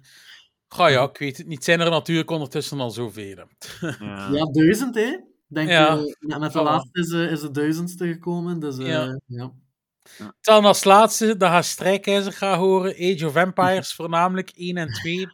Mijn eerste originele RTS-kennismaking, zegt hij, die voor heel veel leuke uurtjes gezorgd heeft. Dan zegt hij nog, keep up the good work met jullie podcast. Ik kijk er elke week naar uit. En dan vraagt hij nog, misschien een mogelijkheid om eens een special over bepaalde franchises te doen. Bijvoorbeeld Pokémon, Nintendo of dergelijke. Maar we hebben in het verleden al wel zoiets gedaan. Hè? Ah, wel, en we hebben het gezegd, ik denk dat de volgende special dat we nu gaan doen, dat dan een keer een spoilercast gaat zijn van God of War Ragnarok, als we Ja. al drie doorheen zijn. Als we het allemaal uit hebben, ja. En ik denk dat we dat met ons drie wel een keer zullen afspreken. Misschien kunnen we een keer iets van Pokémon of zo doen. Allee, ja. Ja. Zeker. We zullen sowieso wel nog een keer een special over iets doen. Dat we een keer, eh, ja, nog een keer Dat we alle drie over kunnen meepraten. Hè, ja. En, en Voilà, ja. dat Pokémon een van die dingen is. eh, dus. Ah, wel, en misschien zelf Pokémon en Nintendo een beetje in het algemeen. Hè. Zo Ja. een beetje ons, dat is wel alle drie een beetje ons jeugd ook geweest, vermoed ik. Dus Mhm. kijk, voilà, ja, goed ideetje alleszins. Dan de volgende is van DDM for Life. Dat is ook geen onbekende voor ons. Hè? Nee, dat is al een lange luisteraar. Ja. En hij heeft ook al eens meegedaan Ja, met onze vorige podcast. Eh, de top 3 aller tijden voor hem is eh, op nummer 3 Ghost of Tsushima. Dat hoorde jij graag, hè, Polly? sowieso. En zijn twee, dat is een, een dubio, want eh, hij zegt Ye are Kung Fu Arcade Version en Last Ninja 1 op de Commodore 64. Hij kan niet kiezen, zegt hij. Eigenlijk vals spelen dus. een beetje Ja, je hebt het gegeven, dat mag niet. En dan zijn er nummer 1 is Medal of Honor Allied Assault, best multiplayer game ever. Eh, zoveel uren plezier in gehad en eh, hij zou enorm blij zijn als ze die remaken. Ja, kunnen we het niet meer mee eens zijn. Hè? Nee, het is dat. Dan Strijkijzer heeft op eh, nummer 3 Age of Empires 2. En dat, dat had ik niet zien aankomen, maar dan op nummer 2 heeft hij eh, Age of Empires 2. en als nummer 1 ook Age of Empires 2. Dus het, het, het, ik weet niet zeker, hè, maar ik denk wel dat, dat hij daar wel een best Ja, het heeft. Ik heb zo kunnen, toch het gevoel dat hij een beetje fan is. Zo. Ja, ja, Ja. Dan eh, onze Muka Shade. Even op nummer 3, Final Fantasy. Is dat 14, jongens? 14, ja. Een 1 ervoor Ja. is een 1 eraf. Ja, dus dat is de MMO-RPG. Mhm.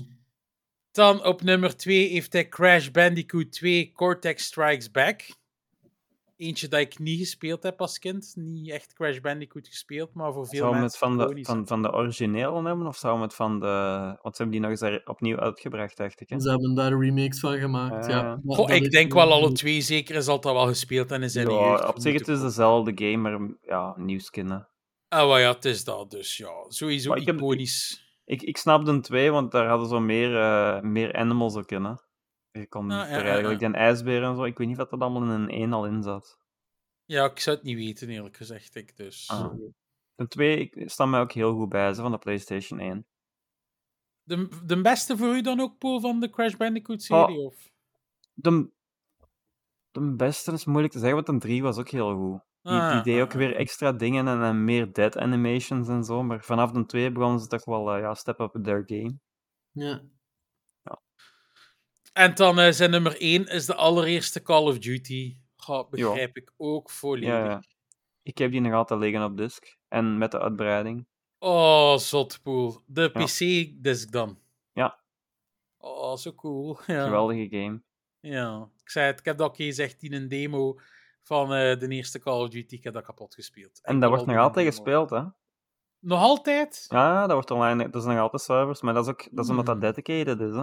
Is Ja, ik- het afhangt van Activision en servers, dus. Ik zou naar een andere teruggrijpen, maar misschien daarover straks meer. De twee, hè? misschien, misschien. Dan eh, onze eh, PR-manager Black Occult heeft op nummer 3 Pokémon Silver staan. Dus eh, daar zijn we het allemaal eh, wel mee eens. Of ja, voor mij, ik heb dan Gold, Soul Silver, maar eh, inderdaad. Dat telt, dat Ik, telt. ik, heb al, ik heb al moeite moeten doen om er drie uit de aard te krijgen. Ze. Ja, Ja, eerst- er maar twee, dacht ik. Hè? ja. inderdaad. Eh, dan op nummer 2 Child of Light. Eh, dat, ik weet niet of jullie dat gespeeld hebben. Ik heb dat niet Ik heb gespeeld. niet gespeeld, nee. nee. Ja, dat is dus eh, een eh, indie-titel van, eh, van Ubisoft. De, een beetje een oxymoron, maar eh, Ubisoft heeft zo een paar kleine studio's eh, ja, de- die, die ze opdracht geven om eh, indie-games te maken. En eentje daarvan Mhm. is Child of Light. En dat is eh, ja, zo'n... Zo een, eh, het is geen JRPG, want het komt niet van Japan, maar het is, het is een JRPG-achtige game met zo'n, ja, eh, hoe zeg je dat, waterverf... eh, eh, artstyle. En ik, ik vond het ook heel, heel indrukwekkend. Ik had niet, niet veel gedacht van zo'n Ubisoft allee, mini, tussen aanhalingstekens, indie game. gedacht, "Wauw, dat zal gewoon eh, corporate, corporate bullshit. Nee, maar Ja, nee, als we nu aan Ubisoft denken, denken we aan die uitmelkerij van Assassin's Creed en al natuurlijk. Ah, wel, Ja, maar, ja. maar ik moet wel zeggen, ik, ben- ik ben het echt eens met Black Occult. Het is echt een heel coole game met heel mooie muziek en, eh, en echt interessante ideeën ook rond turn-based combat. Want het, had zo, het, was ook, het was wel turn-based, maar het had heel veel mechanics rond eh, ja, status effects die het trager of, of, of, of eh, trager maakten of meer kans eh, hebben om, eh, om na twee beurten twee, nog eens twee dingen te mogen doen. Zo heel veel dingen dat de turn-based combat toch wat vernieuwingen naar voren bracht. Ah, ja. Dus ja, toch, da- daar ben ik het wel mee eens. Het is echt een ik, weet nu, ik weet nu wel al, Quinte, Poel was eigenlijk altijd een beetje onze VR-expert. Die wist het meest van VR van, van ons twee. En die was er ook het meest mee bezig. En ik denk wel dat hij onze indie-expert gaat worden. ja, Want ik denk wel dat hij het meest van indie-games weet. Ja, ah, wel, het hangt ervan af, want als er dan een indie first-person shooter is, da- da- daar ga ik niet van weten. Ah ja, ja, ja. Maar inderdaad, ik, ik probeer me, me, daar wel, eh, waar- me daar wel mee bezig te houden. Want eh, ja, ik heb het ook op mijn profiel als schrijver staan bij Beyond Gaming. Ik denk dat daar wel. De, de, de tijd van de big conglomerates is voorbij. Het is Ja. de indies waar dat de innovatie nu van komt. Dus eh Mhm. that's where I'm at. Ja, dat is wel waar ook. ja, klopt. En dan op nummer 1, Ori and the Will of the Wisps. Ook een heel mooie game. Hè. Hebben jullie die gespeeld? Ah, wel, die staan nog altijd op mijn lijstje om te spelen. Ik heb de Ja. één volledig uitgespeeld. Dat was een geweldige game. En ik ben Ja, er ja. twee begonnen, maar eh, nog niet verder gespeeld. Ja, ik heb het ook nog niet uitgespeeld. Maar, Maar, de eh, één ja, ja, was ook emotioneel heel mooi en zo. zeker. Mooie game. Ja, Heel ten mooi. twee, ik heb het begin gezien, was ook al heel, eh, heel tof. Dus ja, het zal, het zal wel verder bouwen op de ene. Fantastische artstyle ook, hè. zo super mooi. Prachtig. Dank je, Black Ehm, Occult. Inderdaad, dank je Black Occult. Voor eh Eh. Poel toch eh, zijn top 3 te krijgen hebt. Ehm, dan eh Voitsky, zijn nummer drie is Elden Ring. Mhm. Dat is ook een hele mooie. en zot, hè? Zo'n recente game dat dat toch nu, ja. Ja, kan dat wel. Allee, op zich, als, als je, de, inderdaad, begrijp het wel. Als je houdt van, eh van Souls-likes en je houdt van open worlds, kan ik me het goed voorstellen dat dat ineens die top 3 eh, doorbreekt. Dus eh, ja. Zelfs als je niet van Souls-likes houdt, zou ik het begrijpen. Ja, want zijn er Zeker. veel die ingestapt zijn met deze Ja. natuurlijk. Hè? Ja. fantastisch Het is- vonden, hè. Het is een Ah, geweldige ja, ja, game. in die Ja. zin dat het je wel kan eh surprise hebben. Ja, inderdaad. En zijn nummer twee is GTA 4. Dat is ook eh, toch wel een heel schone. Een raakvlak over met je, eh, ja, ja, het is, het is, ja, ik zeg het, mechanisch was dat echt al een hele goeie. En het stond voor op zijn tijd. Het is gewoon misschien een beetje te vroeg gereleased. En ja, op de, op de consoles dat toen eh, uit waren, draaide het niet altijd even vlot. Dat was misschien wel het nadeel ervan. Ehm, nu, nu draait dat natuurlijk super vlot. Maar ja, het het is een beetje gedateerd, moeten we wel zeggen nu, van graphics. Maar de gameplay is het nog altijd ja, super goed. Ja. En dan op zijn nummer 1, Gran Turismo A-Spec. Maar ik ken Gran Turismo, maar ik weet niet wat dat A-spec is, eerlijk gezegd. Is dat, een spin-off of zo? of- Nee, dat was zo'n een, een, een versie ertussen, geloof ik. Eh wacht, zal ik eens kijken, hè. Ehm, want je hebt zo altijd een official release en dan zo een... Gelijk dat de Gran Turismo... is Gran Turismo Sport- 3 blijkbaar. Dat is gewoon de ondertitel van Gran Turismo Ah, 3. toch, Ah, oké. Ah ja, een 3 dan. Want eh, ik weet, bij, je hebt bij de PlayStation 4 hadden ook zo'n een, een tussenversie, hè. Sport, hè? Gran Turismo Sport. Ja, de sport, dat is niet echt een mainline titel, hè. Nee, dat is totaal anders. Allee, ja, een beetje anders dan de gewone Gran Turismo, sowieso. Hè? Ehm, wat, ik weet niet of of dat, dat echt alleen een ondertitel is, of dat dat echt ook een, ja, een, een bijgame is, zo'n tussengame. Op Wikipedia staat er Gran Turismo 3 dubbelpunt A-spec. Is Ah, ja. Ja. dat zal het wel de Dus 3 ik zijn. denk ja. wel. Ah, ja, Ja, voilà. kijk, cool top 3 kunnen ook. Zot van Elden Ring sowieso. Nice. Dat... Allee, ja, sowieso. Ja, tof om te horen. Dan eh, de volgende was van Colty. En eh, die op nummer 3. Tex Murphy, de Pandora Detective, gezet. Ik moet ook eerlijk toegeven dat ik dat niet echt ken. Jullie? Ik ook niet. Dan eh, nummer 2 is The Beast Within. A Gabriel Knight Mystery. Ik ken ik eerlijk gezegd ook niet, Quintig, hè? Ik ook niet, maar misschien dat die twee related zijn of zo. Dat, het, klinkt, het klinkt allebei als, een, eh, als adventure mystery games. eh. ja, inderdaad, zo'n beetje onderzoeken. eh, in ja. dezelfde franchise of zo, maar nee, ik ken geen van beide. En dan Ja. natuurlijk op nummer 1 een heel iconische, dat is Tomb Ja. Raider 2. Ik denk Ah, dat dat ja. wel voor veel mensen ook eh, een toptitel is. Hè. Ja, Ja. daar hebben we het al zo over gehad. Hè. Zo, gewoon dat je zo vrij kan rondlopen in de huis en zo. Ja, die een butler opsluiten. Ja, een bed erop zeggen, sluiten. eh, Met die tank controls en dat je, dat zo precies moest zijn met naar waar dat je sprong in die originele Tomb Raiders. Dat, eh, ja, ik, ik vond dat pijnlijk. Ja, en die spelen. cheats dat zo moeilijk waren om eh, te executen. Je moest er echt dingen voor doen, zo opzij stappen, links, rechts, boven. Ja, ja, ja. Eh, dan Six Clicks eh, zijn een top 3. Begint bij Battlefield 1942 op nummer 3. Ja, ook een heel, heel, heel goede game. iconisch ook. Ja. Ja. eh, Ik zal zeggen dat je nu nog zou spelen. Ja, nu ziet hij er wel vrij rough uit. maar eh, ik heb die trouwens ook nog liggen op disc. Ehm, Die was wel af toen ook.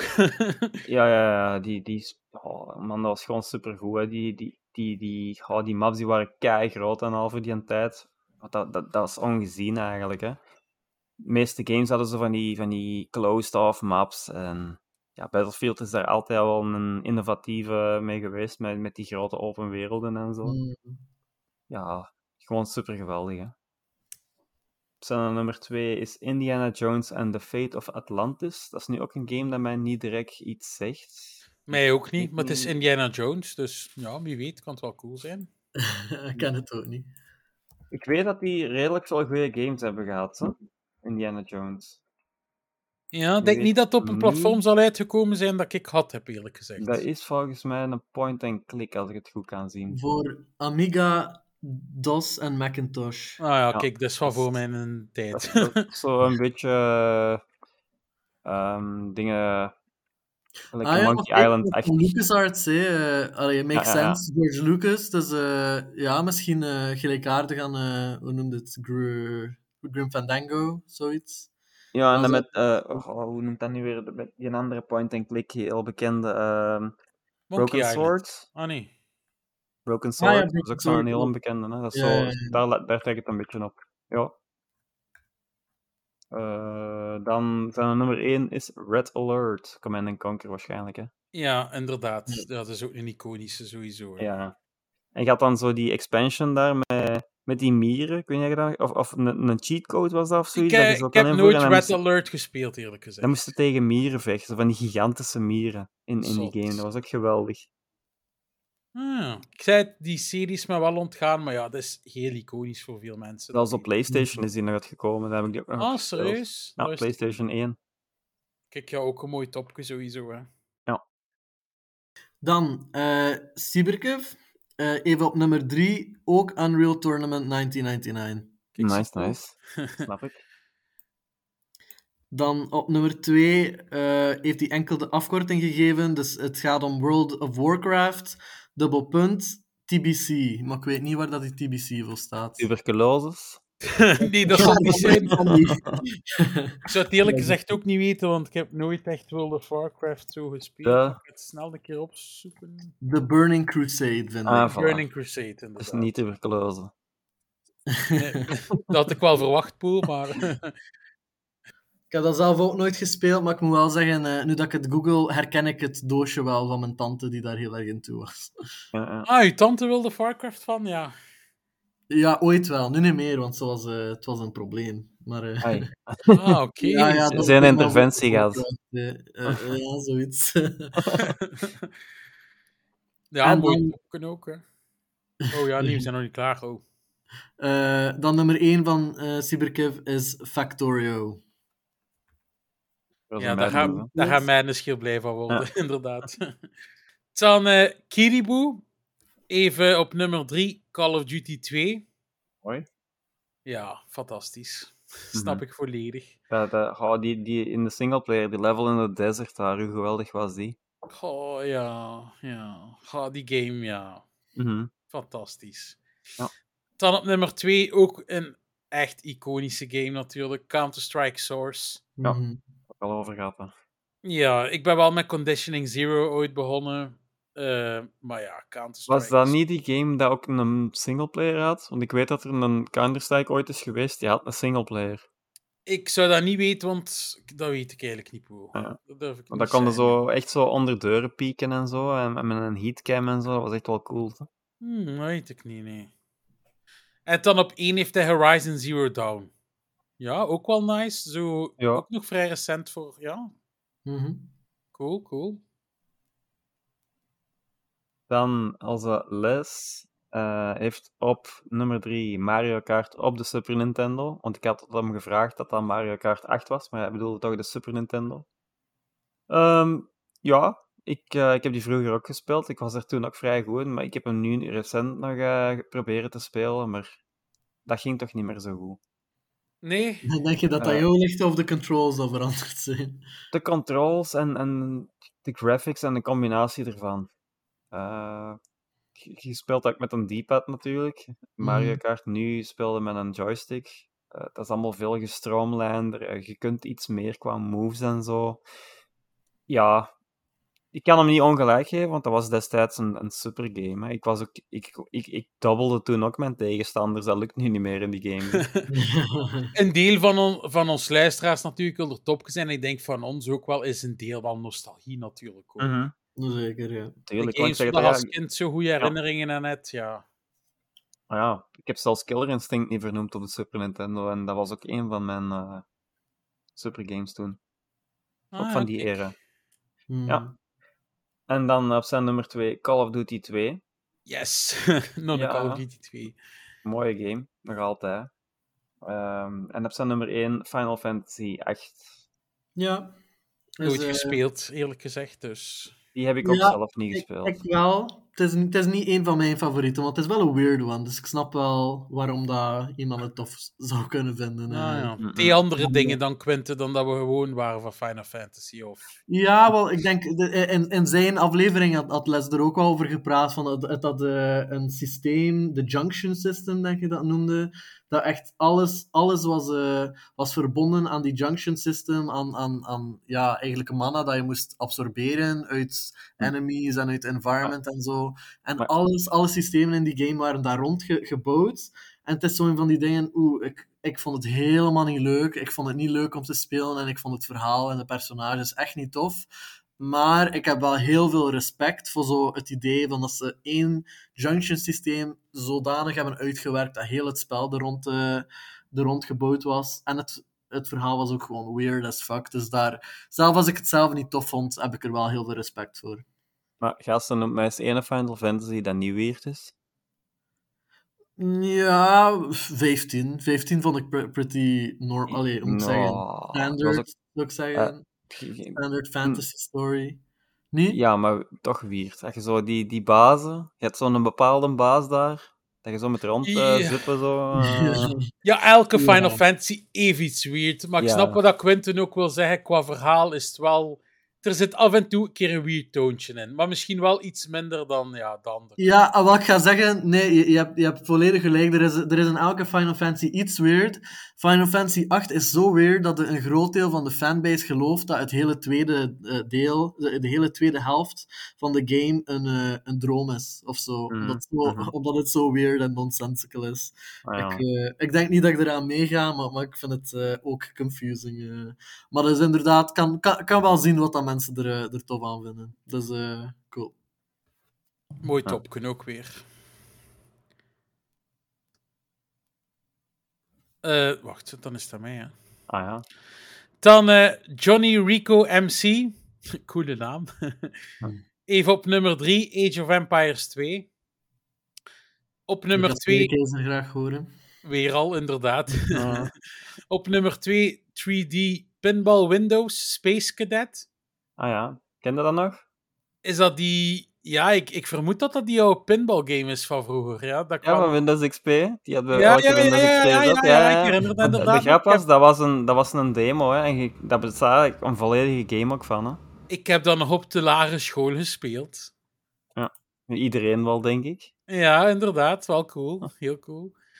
Ik was dat al volledig zelf vergeten, eerlijk gezegd, die pinball game. Kijk, ja, vind ik wel een keer cool eh, om terug aan te denken. En dan op één Wolfenstein Enemy Territory. Ja.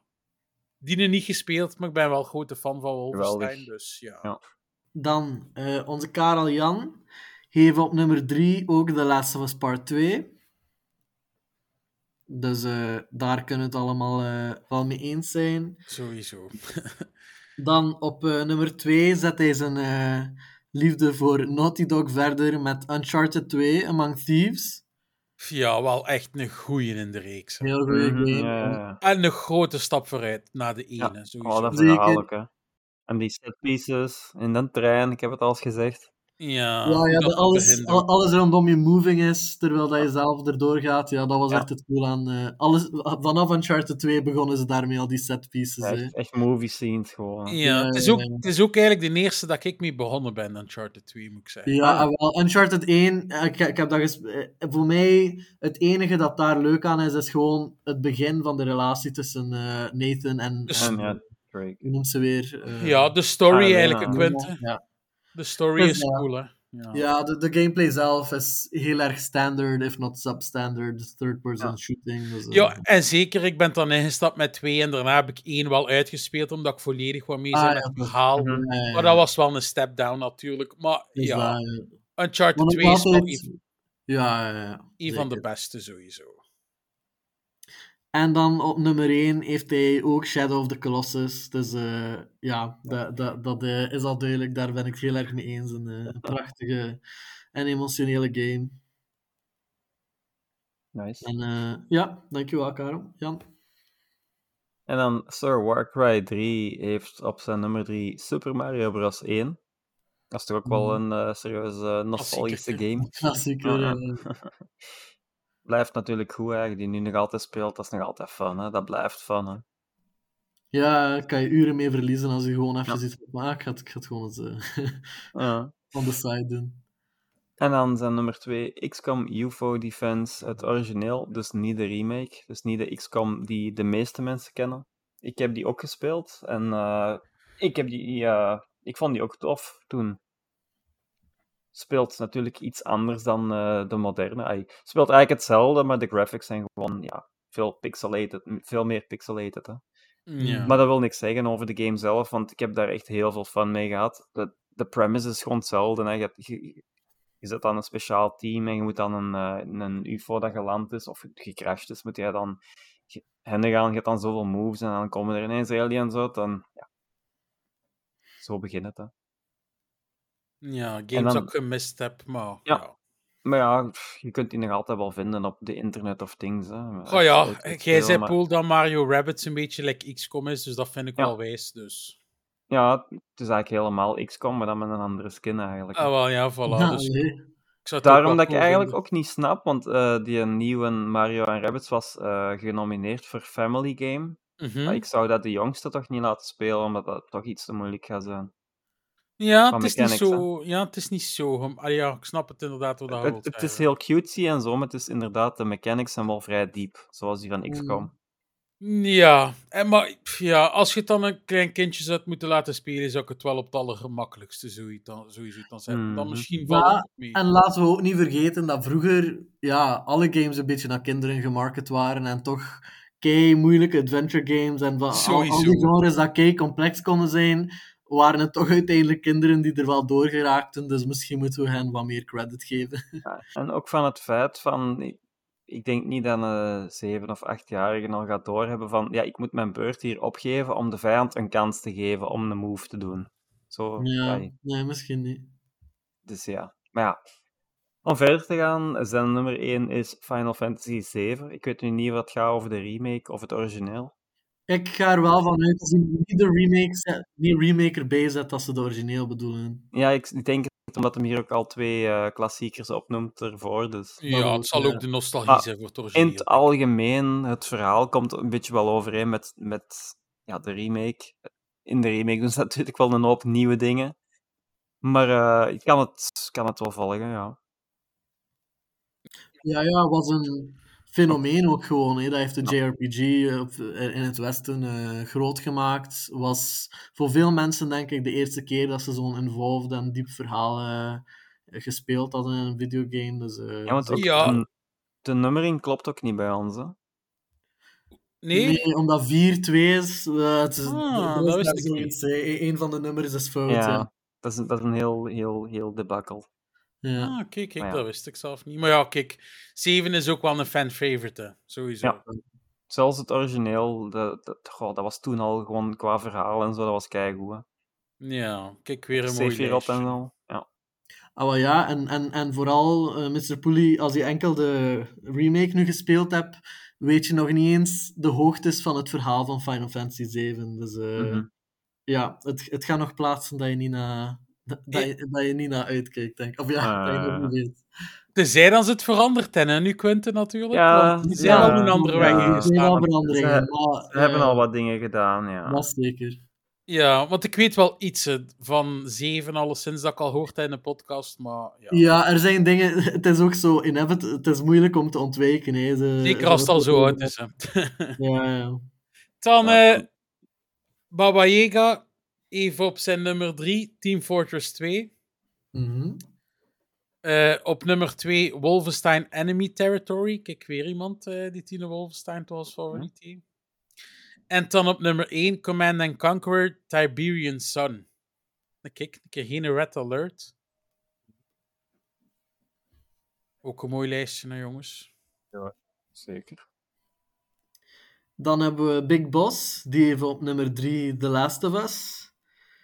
Eh, dus eh, er staat geen part 2, dus part 1 neem ik aan. Dus eh, ja. ja, waarschijnlijk. nog, een, eh, nog een liefhebber. En eh, dan eh, heeft hij voor nummer 2 eh, is hij zijn naam waarde aan het doen. Ja, ik wou het net zeggen. Ik wist niet dat je het ging doorhebben met de naam. Ja, ja als, als ik het niet gezegd had, dan moest je commentariëren, maar ik had, ik had het wel door. Dus eh, Metal Gear Solid 3 eh, heeft hij op nummer 2 staan. En Mhm. op nummer 1 dan Metal Gear Solid 1. Mooi. Eh, ja, dus eh, heel sterke en heel revolutionaire games ook. Hè. De, Sowieso. De, de, de Kojima groot of Kojima, ja. ja. ja. Vooral, ja, allee, zelf eh, vind ik vooral één breathtaking, allee, niet, niet, qua graphics of zo, maar gewoon de ideeën dat daarin zaten. Vooral zo, be- bijvoorbeeld, dat, dat ga ik nooit vergeten, dat je, dat je de, cartridge, oh, de, de controller eruit Controller port voor 2. het moment is. Ja, Ja. Dat, dat is echt, that's the kind of uh, En- interactive storytelling I'm here for. En, en hoe zot gewoon dat was dat je je eh, memory card, als je het op PlayStation speelde, leesde en dat hem zag welke Ja. games dat je gespeeld had. Ja. En, en dat hem dan zo, daar dingen over begon te zeggen. Zo van, ah, Ja. je hebt dat gespeeld. Ah. En zo Dat die. Dat was zo zot. Ja, dat dat- Daarvoor dat heb je dat iemand als. Kojima nodig om te Ja. weten dat, dat het maar kan. Hè. Spijtig genoeg gemist, dus ja. Maar dus er- er niet te laat, Binnenkort, eh, er wordt toch gerumored dat er binnenkort een Een remake, Solid hè. 1 remake komt. Ja, Ja, dus Ja, ja, dat gaat ga wel anders zijn, proberen, denk ik. Ja. ja. ja. En dan is het aan als Madnesske, als uh, Mad Sniper of eh, John Beton. Of onze Matt Knifer. Mad Hij heeft veel bijnamen. Ehm, ja, zijn nummer drie is Factorio. Eh, zijn derde plaats was wel twijfel tussen Factorio en Valheim, maar hij heeft dan toch gekozen voor Factorio. ja, hij heeft even wel een serieuze verslaving gehad in een Factorio, hoor. Ja, en Valheim ook, hè, dus eh, ja, ik kan het ergens wel snappen. Ehm, zijn nummer 2 is Command Conquer Red Alert. Die is al vaker voorgekomen in de, de lijstjes. Ja, inderdaad. Blijft een goede game. En op zijn nummer 1 Half-Life 2, dat hoor ik ook graag. Dat was Ja. ook mechanisch en zo, eh, wat dat deed met physics. Toch wel een voorloper eh Hmm. bij gaming. Mooi lijstje ook. Ja. Dan eh, Dharma Zat, ik hoop dat ik het goed uitspreek. Mhm. Even op nummer 3 Pro Evolution Soccer 5. Op nummer 2 The Elder Scrolls Skyrim. Mooi. En op nummer 1, komt nog een keer aan bod, Ori and the Will of the Wisps. Dus kijk, we gaan die echt ook een keer moeten spelen. Ja, ja. Ja. En op zich ergens eh, surprising dat Skyrim hier maar één keer is voorgekomen. Want, eh, ja inderdaad. ja ik was niet zo'n grote fan, maar het, eh, het was toch echt een enorm fenomeen eh, voor veel mensen. Dus, Misschien zelf Elder Scrolls in het algemeen, Quinten. Ja, is Oblivion is ook wel een fan-favorite van veel Ja, het is mensen. Ik denk dat er wel op veel mensen een top 10 had gestaan. Zo. Is dat Ja, weer. Dat wel, top 3 ja. gevraagd, dat maakt het zo moeilijk. Maar ja, kijk, als je al ziet hoe lang dat we nu over de topjes hebben ja, gedaan, eh, inderdaad. moest het top 3 geweest zijn. Maar kijk, we Ja. zijn aan onze top 3 aangebroken. Dus voor ons de drie beste games ooit gemaakt. En kijk, Quinten, hij mag weer beginnen. Oké, voor ik begin ga ik wel zeggen, mijn top 3 is not ranked. Dus het zijn gewoon de drie beste zonder volgorde. Kan, kan Ah niet- ja, oké. Ik me niet. kan ze niet ranken. Eh, dus ik ga beginnen met de Bloodborne. Oeh. Ja, ik, eh, ik, ik, ik hield al heel erg van Dark Souls. En dan, ja, ik, ik ben een horrorliefhebber. eh, eh, eh, dus wanneer dat Bloodborne opkwam... Ik moet zeggen, in, in the very beginning, toen ik het begon te spelen, haatte ik het. Want het was zo moeilijk. Zoveel moeilijker dan Dark Souls. Zo anders dan Dark Souls, dat ik het in het begin heel erg haatte. Dan heb ik gewoon nog een kans gegeven. En sindsdien heb ik het eh, drie, vier keer minstens gespeeld. Eh, en elke keer, het is zo- het is zo'n joy, het verhaal erin. Allee, het is een heel debat of, eh, of, of, of allee, From Software als verhaal telt, maar er, is, er zit echt wel diep verhaal in.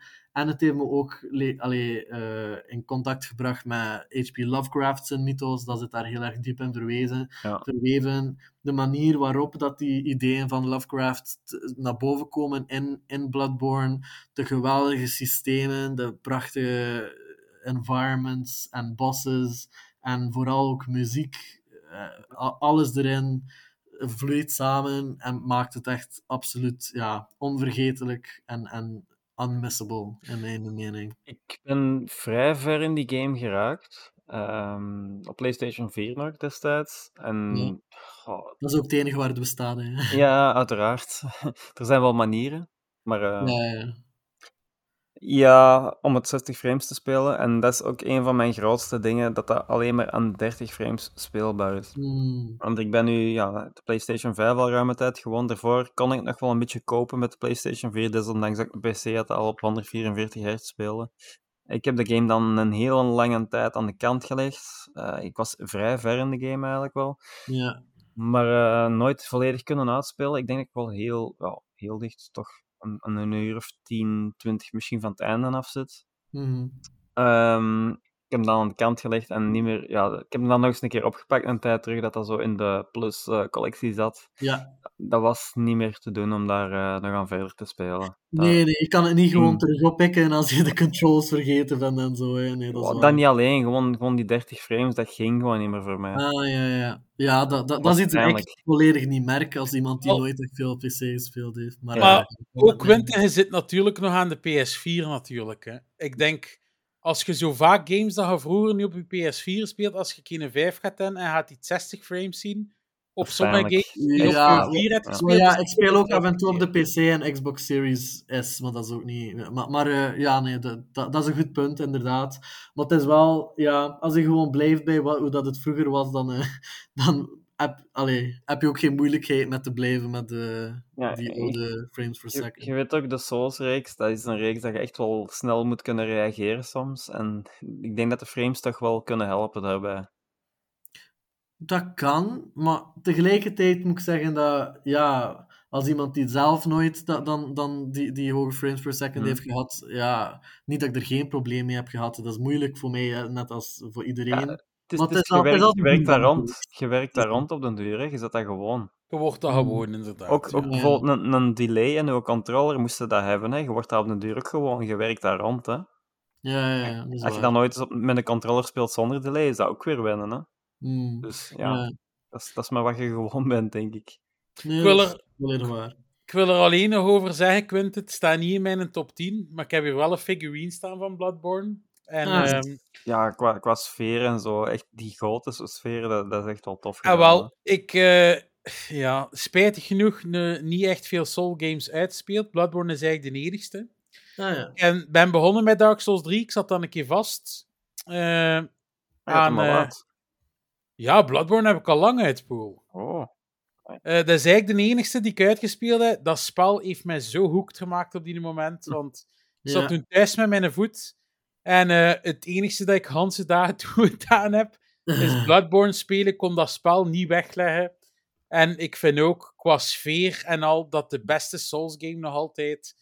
ehm, ja, ik vind dat echt een fantastisch spel. En ik weet, als je doorbijt bij een Souls game, raakt er altijd wel door, hoe moeilijk dat ook is. En het zotte is, kijk, je zegt dan ook, Quinte, dat je dat nog moeilijker vindt dan Dark Souls. En dan heb ik, ik heb dan zoiets, ik heb Dark Souls 3 begonnen. Is Ik heb dat hè? niet uitgespeeld. En Bloodborne is me dan wel gelukt om uit te spelen. Is het gewoon omdat ik doorgebeten heb? Of lag het mij meer? Ik heb geen idee. Wel, ik, ik denk dat het ding is, met, in, met, met Souls in general, met From Software, hetgene waar je mee begint, ga je makkelijkst vinden. Ik ben, ik ben met Dark Souls begonnen, dat ben ik gewoon geraakt. En Bloodborne was dan ineens iets helemaal anders, en dat vond ik dan ineens veel moeilijker. Maar heb je dan waarschijnlijk alle drie gespeeld, Quentin, eerst voor Bloodborne? Of niet? Ik heb alles van From Software gespeeld. Ah, ja. want ik ben Ja, begonnen met Dark Souls. Ik ben wel begonnen bij Dark Souls 3, maar ik heb dat dan niet uitgespeeld en dan ben ik in Bloodborne gedoken. Ja, ja. Wel, dan kan ik me inbeelden. Ja, het- ding dat je moet begrijpen van Dark Souls 3 is Dark Souls 3 was eigenlijk heel erg geïnspireerd door Bloodborne. Dus op zich zou dat eigenlijk heel gelijkaardige experiences moeten zijn. Maar eh, ja, Goh, Dark Souls sfeer. 3 ja. ja, ja, nee, maar inderdaad de sfeer. En, en wat ik eh, zo allee, ste- steeds aan terugdenk van Bloodborne is dat er zo ja, een twist was zon- zonder, een twist zonder woorden, zonder al te veel cuts- cuts- cutscenes. Die hele met de atmosfeer, met de environments, heeft het gewoon een twist in zijn eigen genre naar voren gebracht. En ah, dat vond ik zo prachtig. En, eh, en ja, ook voor mij echt H.P. Lovecraft. Vo- voordat ik eh, Bloodborne had gespeeld, was dat een naam dat ik in mijn achterhoofd ergens kende. Maar eh, na Bloodborne te spelen heb ik zijn oeuvre beginnen lezen. En dat is nu ook... eh allee, zijn racisme niet tegenstaande. een van mijn lievelingsauteurs nu. Dus, Amai. ja. Nice, kijk. Nummer drie bij Ja. u dan, Paul. Dat je sluit eigenlijk naadloos aan bij de conversatie, want mijn nummer 3 is Elden Ring. Ah, nice. Ah. nice, ja. Ik moet zeggen, ja, ik ben niet echt fan van de Souls-reeks in het algemeen, de gewone Ja. Souls-reeks, maar ik ben wel fan van de specialetjes. Dus ja, Bloodborne heb ik Ja. er juist al over gehad. Daar ben ik eigenlijk bij begonnen. Ehm, dan eh, heb ik een beetje Sekiro gespeeld. Ik heb een Mm. paar bazen wel verslagen, maar ja, je weet ook, qua pacing is dat wel een pak sneller en de combat is ook ja, helemaal Ja. anders eigenlijk dan de gewone Souls-reeks. Zeker weten. Sekiro vind ik ook de moeilijkste. Ja, eh, ben ik nog niet heel ver in. Ik heb eh, Onua, noemt hem zeker, die heb ik verslagen. Met zijn grote muil de hele tijd. Ja, ja, ja. ja, paard. Ja. Die heb ik wel verslagen. Ah, ja, Zonder-. Bijna zonder gehit te zijn zelfs. My name is Genichi Omi. Ja, heel een tijd. Hoeveel keer zeg je dat wel niet? Epic gevecht wel, sowieso. Die is dus dood. Eh, daar ben ik al blij om Ja. dat ik dat gehaald heb. Maar ik moet nog eens een keer verder spelen, want dan kwam er zo'n stier die in brand stond of zoiets. En, eh, Ja, ja, ja. ja, ja. ja. Ja. En die, die had mij een paar keer eh, letterlijk geboord. Jij die uitgespeeld, Quentin, eigenlijk? Ja, alles van From Software. Dus, eh, Ja. maar, maar like I said, Sekiro vond ik wel echt de moeilijkste. Ik zit vast, jong. En die een baas zo, dat je van boven... je moet zo naar boven klimmen, een stukje. En dan moet je zo boven in zo'n houten dingen vechten. Ik weet niet dat je weet wat ik wil zeggen.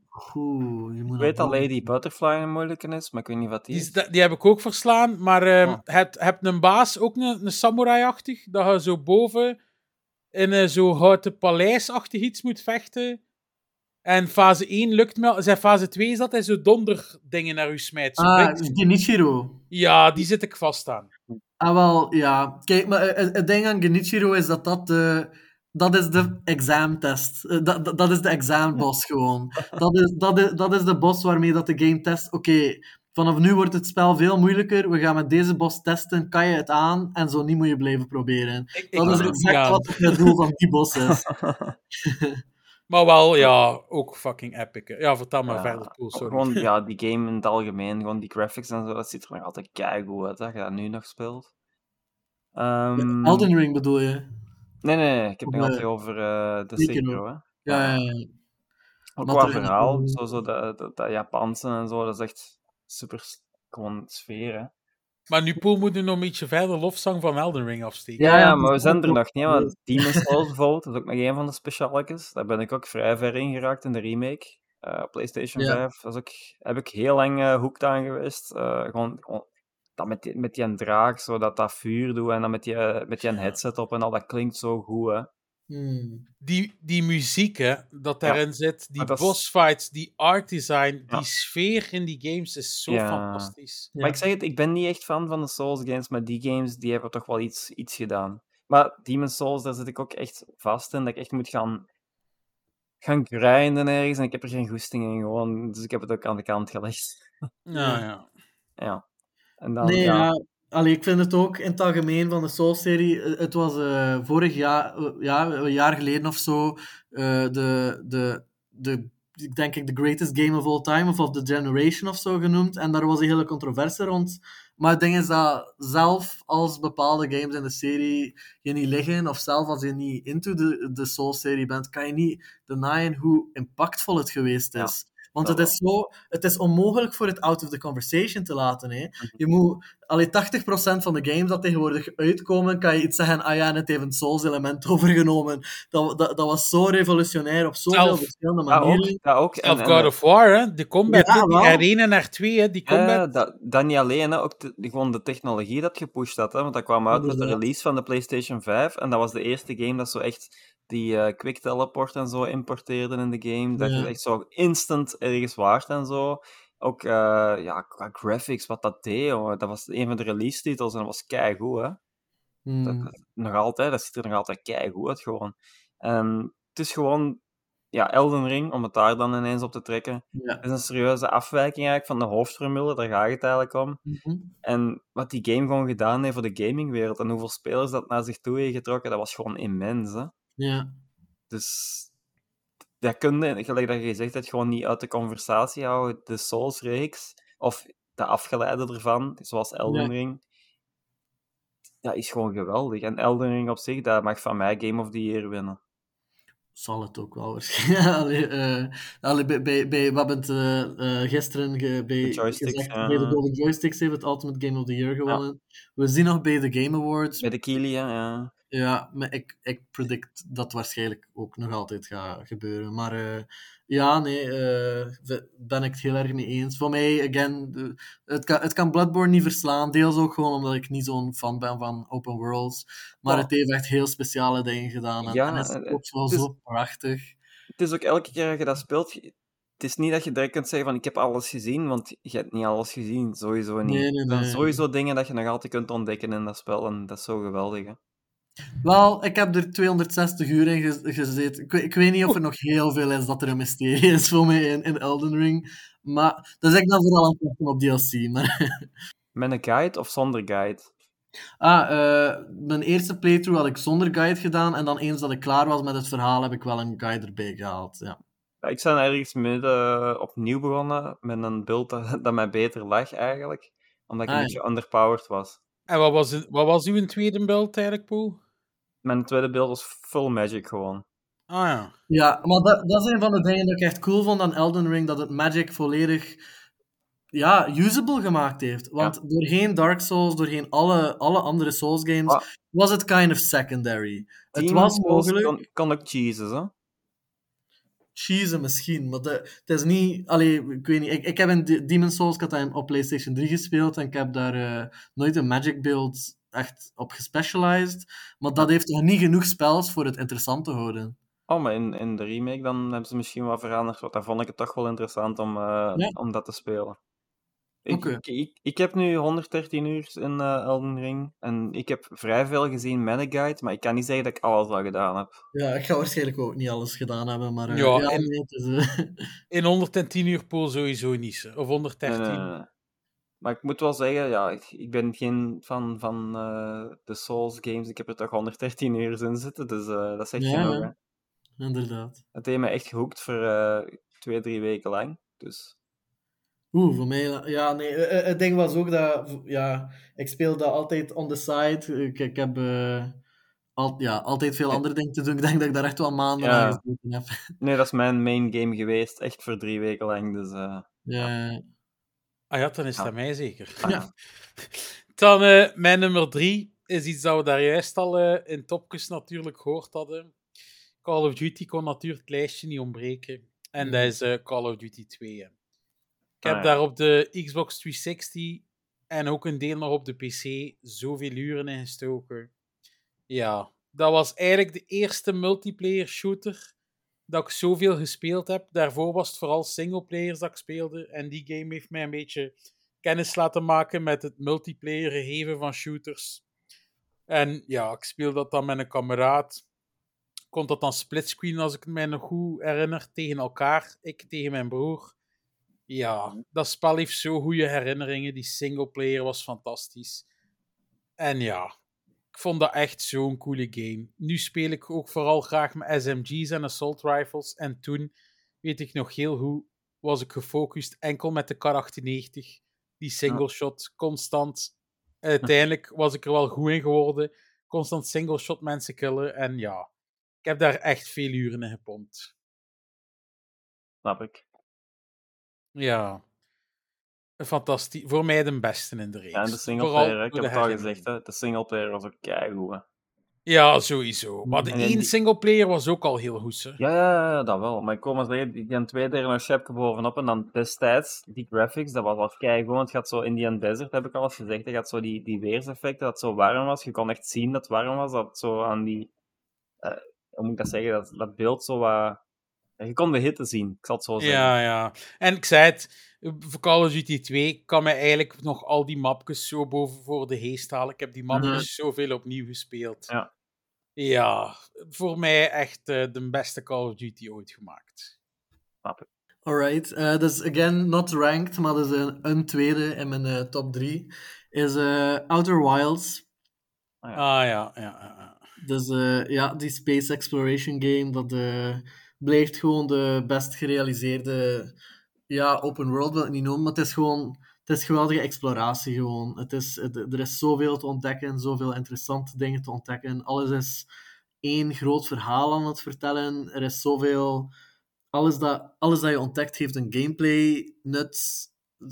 Zelf al weet je het nog niet. Het is een heel, heel diep verhaal dat volledig door je eigen curiosity vertaald kan worden. En eh, ja, ik, ik, ik, eh, ik denk, allee, het, gaat, het gaat nooit gebeuren dat ik, eh, dat ik niet aan Outer Wilds denk als ik denk aan de beste games aller tijden. Want het is gewoon de best realized world to be discovered ja, dat ik ooit, ooit eh, heb meegemaakt. Het staat op mijn verlanglijstje alleszins en het staat nu in promo voor 12,59 euro op Steam. Allee dan. Ja, nee, het is, het, is, het is absoluut heel aangeraden. En ja, ook gewoon zo weinig mogelijk erover opzoeken, zou ik zeggen. Want eh, ja, het, heeft zelf een main mechanic dat ik, dat, dat een beetje iets heb van... Zelf als ik erover praat, probeer ik zelf die main mechanic niet te zeggen, want zelf dat kan zo'n leuke verrassing zijn. Dat is het ding. Het zit, het zit zo vol geweldige verrassingen als je open staat voor, voor die verrassingen. eh. En eh, ja, als, als je een beetje into the mood kan zitten om het verhaal out te figuren, terwijl dat je wat explored en, en een beetje, ja, gewoon, als je ervoor in de mood bent, is eh, voor exploration, is het echt de game. Ja, ik ga hem toch een keer moeten spelen. Mijn nummer 2 is Splinter Cell 3 Chaos Theory. Dat is een Ah. game die ook al eh, in het lijstje Dat is was al geforeshadowed. Ja. Eh, ja, ik ben een grote fan van, eigenlijk van eh, stealth action games. Eh, Mhm. Zeker een van de betere in de reeks, omdat je eigenlijk ja, zo vrij bent in de manier hoe dat je missies doet. Bijvoorbeeld, je wapen, dat kon je eigenlijk op elke moment aanpassen naar ja, set to kill eigenlijk. Met dodelijke ammunitie, of eerlijk niet dodelijke inzetten. Ik kon dan zo een, een, bijvoorbeeld een plas water, en daar stonden dan vijanden in, dan kon je daar zo'n shock op schieten, dan waren die incapacitated. Of je kon dan zo van die non-deadly ammo afvuren. Een soort van beanbag, zal wel maar zeggen. Ehm, ik kon het dus op elk moment doen. Dat was eigenlijk wel tof. En ja, ik, ik ga nog een volledige playthrough doen op de Steam Deck, want ik heb hem daar ook op geïnstalleerd. En ik ben eigenlijk nog altijd trots dat ik de bankmissie op 100% heb kunnen completen. Dat was wel Mooi, een nice. prestatie. Ja, veel lasers moeten ontwijken daarvoor, dus eh, ik ben er heel trots op. nice, cool. Proficiat. Dank u. Dan eh, op mijn nummer 2 is een GTA. En eh, voor mij nog altijd de beste GTA ooit gemaakt. Deel natuurlijk ook door de nostalgie. Maar dat is Grand Theft Auto Vice City. Ik ken Ah, dat. voilà.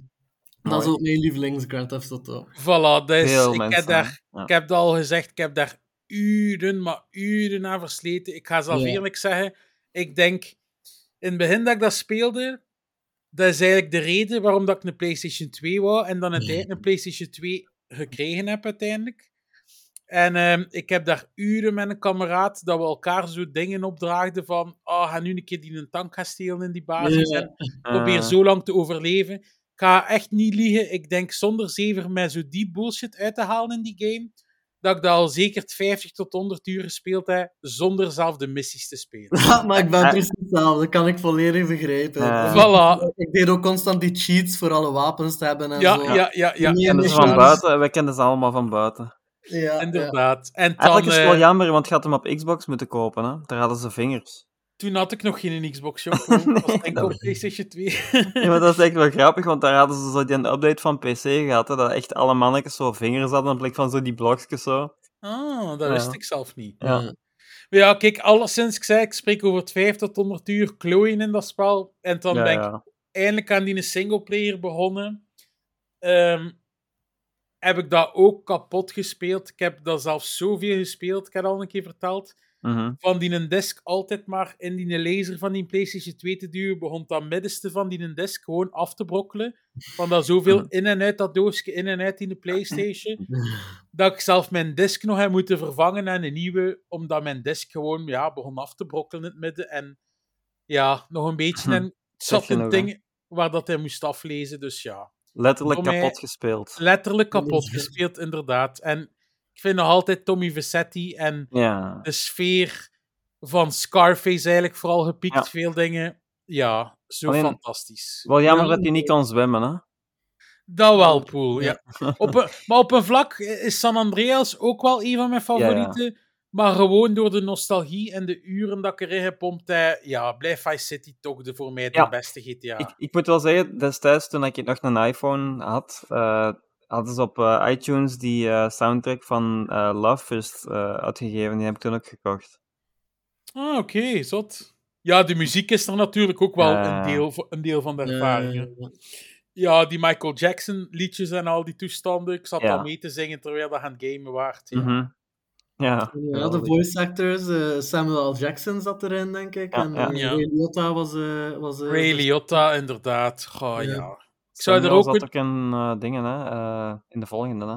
In San Andreas. Zat hij Dat daar was ook in? Ah, dat Dat wist was ik toch niet. die officer eh, dingen daar? Ja, het zou kunnen, dat weet ik eigenlijk niet. Bo. Dat- In de laatste missie dat je die moet achtervolgen met een trein. Ja, ja, ja, ja. Goh, ik weet het niet. Of Dat was ook Samuel Jackson normaal. was nog te jong toen om, om het door te hebben, denk ik. Ja. Ja. Maar Want ik ik weet heb, wel nog ik dat heb dat wel eh, te jong gespeeld ook, ze, die GTA's. Mm. ja, de meeste wel. maar ik weet wel nog dat ik... Ja, ik zat vast in het verhaal, want er was zo'n mini-helikoptermissie of zo. Yep. Ik- Oh ja, ja, ja. Nee, daar geraakte ik niet voorbij. En die was RC. eh, ja, ja, inderdaad, die RC. eh, Ah, wel, ik moet wel ik zeggen, in, in, in de nieuwe released versie was dat wel een pak gemakkelijker. Ze hebben dat aangepast, ja, die Ja. besturing zo wel, ja. ja, misschien Maar- des te beter. Want, eh, Maar kijk, ja. Ja. ik zou er Mm. nog een uur over kunnen vertellen. Ehm, ja, voor mij de beste GTA ooit gemaakt. Ja. Snap ik. Gewoon de setting, hè. Maar we hebben het er al over gehad, over de nieuwe ook. Dat gaat ook een Vice City zijn, maar we hebben al gezegd van ja, dat gaat niet meer dezelfde feeling hebben. Ook al is dat een Vice City, want het is niet meer in de 80s, hè. Mhm. Nee, ik, maar weet je wat ik echt zo cool zou vinden? Eh, moest een van die personages terugkomen. Want ik weet niet of dat u nog herinnert, in San Andreas Ja, ja. komt zowel Tommy Vercetti terug als ehm, de kerel uit GTA 3. Moest dat in de nieuwe GTA komen, ook wel zotte. Maar in GTA niet 5 precies zijn. In GTA 5 kun je de Belk ook vinden, hè. Dat, ah, dat zou ook wel kunnen, ja. Eh, in GTA 5 zit je als een zwerver, hè.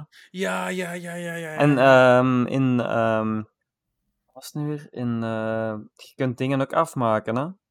Die een, eh, van de motorbende daar, die maakte je af in de 5, hè. Eh, hoe noemt hem nu weer? ja, ja, ik weet wie dat je wilt zeggen, ja. Ja, wel, je snapt wat ik bedoel, hè. Dus, Ja, dus- ja, ja, ja, Ze, komen altijd wel terug op die character. Er zitten altijd wel easter eggs in naar een vorige games, of een vorige main character.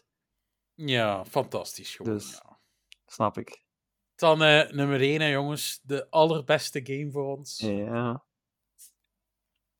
Eh, dus, again, not ranked. ik moet er elke keer wel bij zeggen. eh. maar eh, ja, dus mijn, mijn laatste inzending is de originele Nier. Dus Nier Gestalt of Nier Replicant, dat doet er niet zo toe. Dat zijn twee verschillende versies van dezelfde game. Mhm. Maar ja, dat is, dat is een game dat me enorm. Dat ik zo clever vind op zoveel manieren. Er, er, zit, er zit zoveel originele design dec- decisions in. Dat het verhaal supporten. En dat verhaal is zo prachtig geschreven, zo, zo filosofisch. Allee, zo, zo, zo, er zit zoveel emotie en waarheid achter. En de personages zijn zo uniek en vulnerable geschreven. Eh, ik, eh, er is een reden dat ik... eh, allee, ik heb niet veel tatoeages. Mijn allergrootste tatoeage is van Yoko Taro, eh, de, de creator van Nier. En ik heb ook een beetje een, een, place of worship, laten we zeggen, van, van Yoko Taro. eh, die gaat altijd een plekje in mijn hart hebben. Ja, die, die originele... Ik, hou ook van Automata, uiteraard. Maar de originele Nier, dat, dat, dat, dat is iets speciaals. Dat, eh, dat Ja. heel dicht bij me zit. Bij de meesten is het wel omgekeerd. Hè? Is het eh, Automata dat veel wel. Ja, nee, dat, dat kan ik zeker begrijpen. Dat is zeker eh, allee, een leukere action game. En, en het, heeft, het, het gaat ook wat verder in de zin van. Het heeft heel veel verschillende filosofische ideeën dat dat exploreert, terwijl Nier, de originele Nier een beetje meer gelimiteerd is.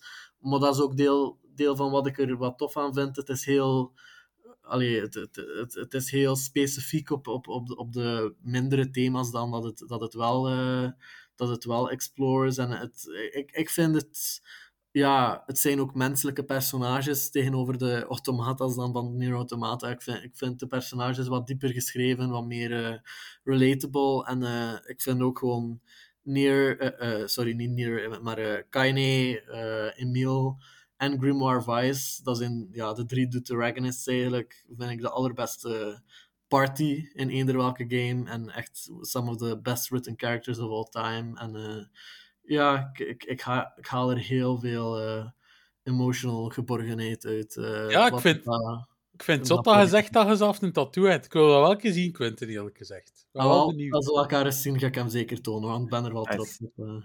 Ja, wel cool, kijk. Dan bij u pool nummer 1. Mijn nummer 1. Tudum, tudum, tudum, tudum, tudum.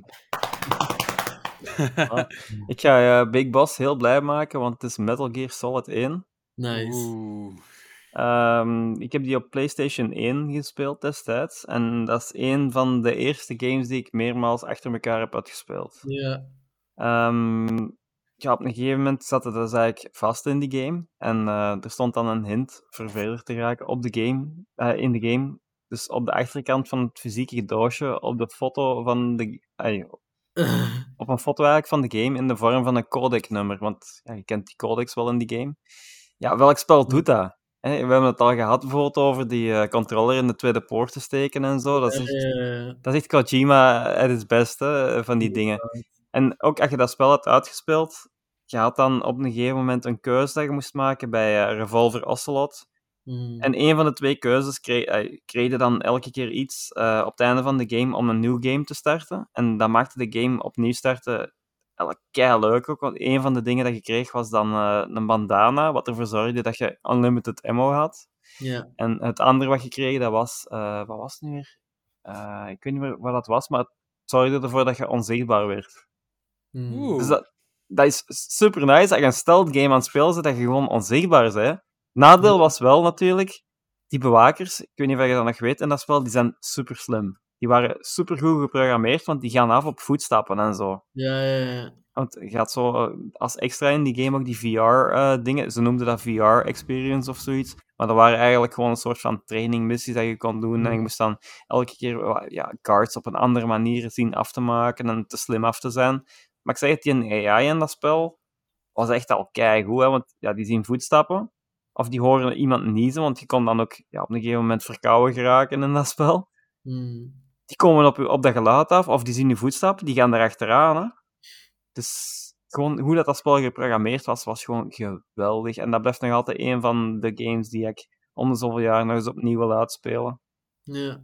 En dat blijf ik gewoon goed vinden, ja. Dus als ze hem niks- remaken, Poel, gaat hem ook wel nog een keer spelen. Ja, sowieso. Ik ben er echt op aan het wachten. Ik heb dat ook nog al... Dat is ook nog altijd een van de PC-games dat ik origineel heb liggen. Oh, zot. Nice. Ja, ja. Dan ehm, mijn nummer 1 pool, denk dat hij wel het kan raden. Ik weet niet of dat Quint het kan raden. God of War. Ja, waarschijnlijk God of War, een van de God of Wars. En de welke? Drie? Had je vorige Ja, inderdaad. Ah, ja. God of War 3 voor mij. Ik vind Kratos het coolste gamepersonage ooit gemaakt. Kijk, moest ik ooit een tattoo laten zetten van een game, zou het Kratos zijn, sowieso. Ehm, Vond je dat toen ook al? Toen dat hij gewoon een genocidal maniac was? ja, ik, ik Ja. vond die altijd al zo cool, Quinte. Oké, het is wat dat gezegd, maar ik vind ook het achterliggende, waarom dat hij zo'n psycho is geworden, om het zo te zeggen, vind ik ook wel heel cool. Want je denkt, Ja, God of War gewoon hack and slash of zo, waar er niet te diep op ingaan. Voor mensen moesten het nog niet gespeeld Ah. hebben, maar het verhaal van zijn vrouw en zijn kind en waarom dat hij wit ziet bijvoorbeeld, Kratos, en Mhm. Ja. waarom dat hij eigenlijk doet wat dat hij doet, met bijvoorbeeld Ares, om het zo te zeggen. En dan natuurlijk in 3, ja. Dat spel heeft de ene fantastische bossfight achter de andere. Dat spel begint al Ja, ja, ja. met de, een van de beste bossfights Ja, ja. ooit. Dat begint al direct in de actie. Hè? Dat is de eerste, denk ik. Ja, ook het gevoel dat je op die reus aan het klimmen bent, dat je zo'n klein Mhm. manneke bent, hoe groot dat die reus is vergeleken met u, hoe dat, dat allemaal gemaakt is. Goh, ik heb zoveel liefde voor dat spel. Ja. ja, het is misschien... Qua verhaal zijn er natuurlijk wel diepere games, maar ik zei het, de coolheid en dingen dan ze doen in God Mhm. of War 3. Zonder te spoilen wie of wat, is er een, een bos dat je moet afmaken, dat op een moment dat de camera draait naar Kratos en hij moet op R1 rammen, en terwijl dat hij op R1 ramt, zit hij gewoon kopstoten te geven, terwijl dat je scherm meer en meer met bloed komt te hangen. Dat is gewoon, ja, voor Ja. mij is dat zo epic. En ik vind de nieuwe ook fantastisch, alle twee. Maar ja, drie blijft voor mij de beste. En Satisfying, vind ik. ja, en Bear McCreary zijn muziek in de nieuwe is ook fantastisch. Maar die liedjes uit die originele God of War. Kratos. Oh, echt fantastisch. Echt, ja. De enige acceptabele tattoo dat je kunt zetten, dat is toch die volledige rode tattoo op je hoofd, hè? Ja, nee, dat gaan we niet doen. Allee, kom aan. Je laat er haar over gooien en je ziet dat Nee, niet nee, meer. nee, dat is iets te veel van het goede. Maar ik kan alleen maar zeggen, ik zei het, ja, ik ah, na 1 en 2 gespeeld en ik was ook zot van 1 en 2. Ik vond die ook al fantastisch. Mhm. Ik had niet verwacht dat het nog zotter ging worden, maar 3 ging voor mij langs alle kanten Ja. over. Zot werd het alleszins. Het ging, het ging overboard en dan nog wat. Ja, Oh. dus je kunt dan ook begrijpen in de reboot 2018, op dat bepaald moment. Ja, ik denk niet dat dat nu een spoiler is, want iedereen weet dan de Blades of Chaos terugkomen. Ja. de moment dat hij die Blades terug heeft, ga die Ah, nostalgie naar die oude games, ja. Voor mij blijft- de beste game ooit gemaakt. Ja. En blijft ook tof in de nieuwe dat, dat je Sindri zo blijft vra- vragen erachter, hè?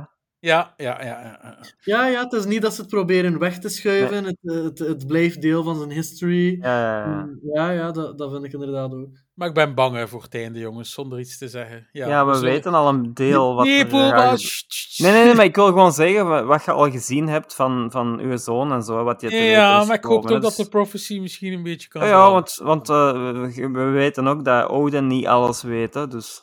Mhm. Nee, en uiteindelijk, ja, in God of War 3 had ik ook niet verwacht dat Kratos nog ging terugkomen zonder te spoilen wat dat daar gebeurt. Maar Ja, maar dat weet ook iedereen dat hem daar van een berg springt, zeker? Ah, maar ja, dus kijk, ik vind die lore zo fantastisch. Die, die voice-over zelf in die filmpjes van, het, Athena dat spreekt? Mhm. Dat dat verhaal vertelt van Kratos. Kijk, ik krijg er gewoon kiekenvel van als ik eraan denk. Dus ja. Wel, ik weet niet of het Athena was, want het was een oude vrouw en Athena Ja, was een Ik ben jonge- niet meer 100% Ja. zeker, want het is nu al al even weer geleden. Nee, ik denk het was eh, Gaia. Gaia is Ah ja, ja, juist. Gaia, inderdaad. Nature. Ja. Maar kijk, ik praat erover en ja, ik ga dan nog een keer moeten naar spelen, sowieso. Ja. Ja, sowieso, hè. Inderdaad. Kijk, zie, ik denk, eh, ja, we zijn er doorheen. Ik denk dat we allemaal Ja. wel toptiteltjes hebben opgenomen. Ja, Ik wil de luisteraars ook allemaal bedanken voor jullie toffe lijstjes. Het was ook tof om van iedereen eh, de top drie keer te zien. Dus, nog een laatste keer. Volg Beyond Gaming via Instagram, Facebook, Twitter, YouTube. Join de Discord. Vragen, suggesties, opmerkingen kunnen ons altijd mailen naar podcast.beyondgaming.be. En kijk, misschien een tof eh, dingetje. Gelijk dat... Dat was de naam die ik juist vroeg voor die Pokémon special te doen. Eh, als er misschien luisteraars zijn van, eh, die zeggen ik wil een keer dat voorstellen of zoals een special, mail ons zeker een keer. Dan kunnen we daar misschien wel een keer bekijken als we daar alle drie interesse in hebben om daar een keer een special van te maken. Ja. Dat was Ja. Joachim Stalen. dat vroeg.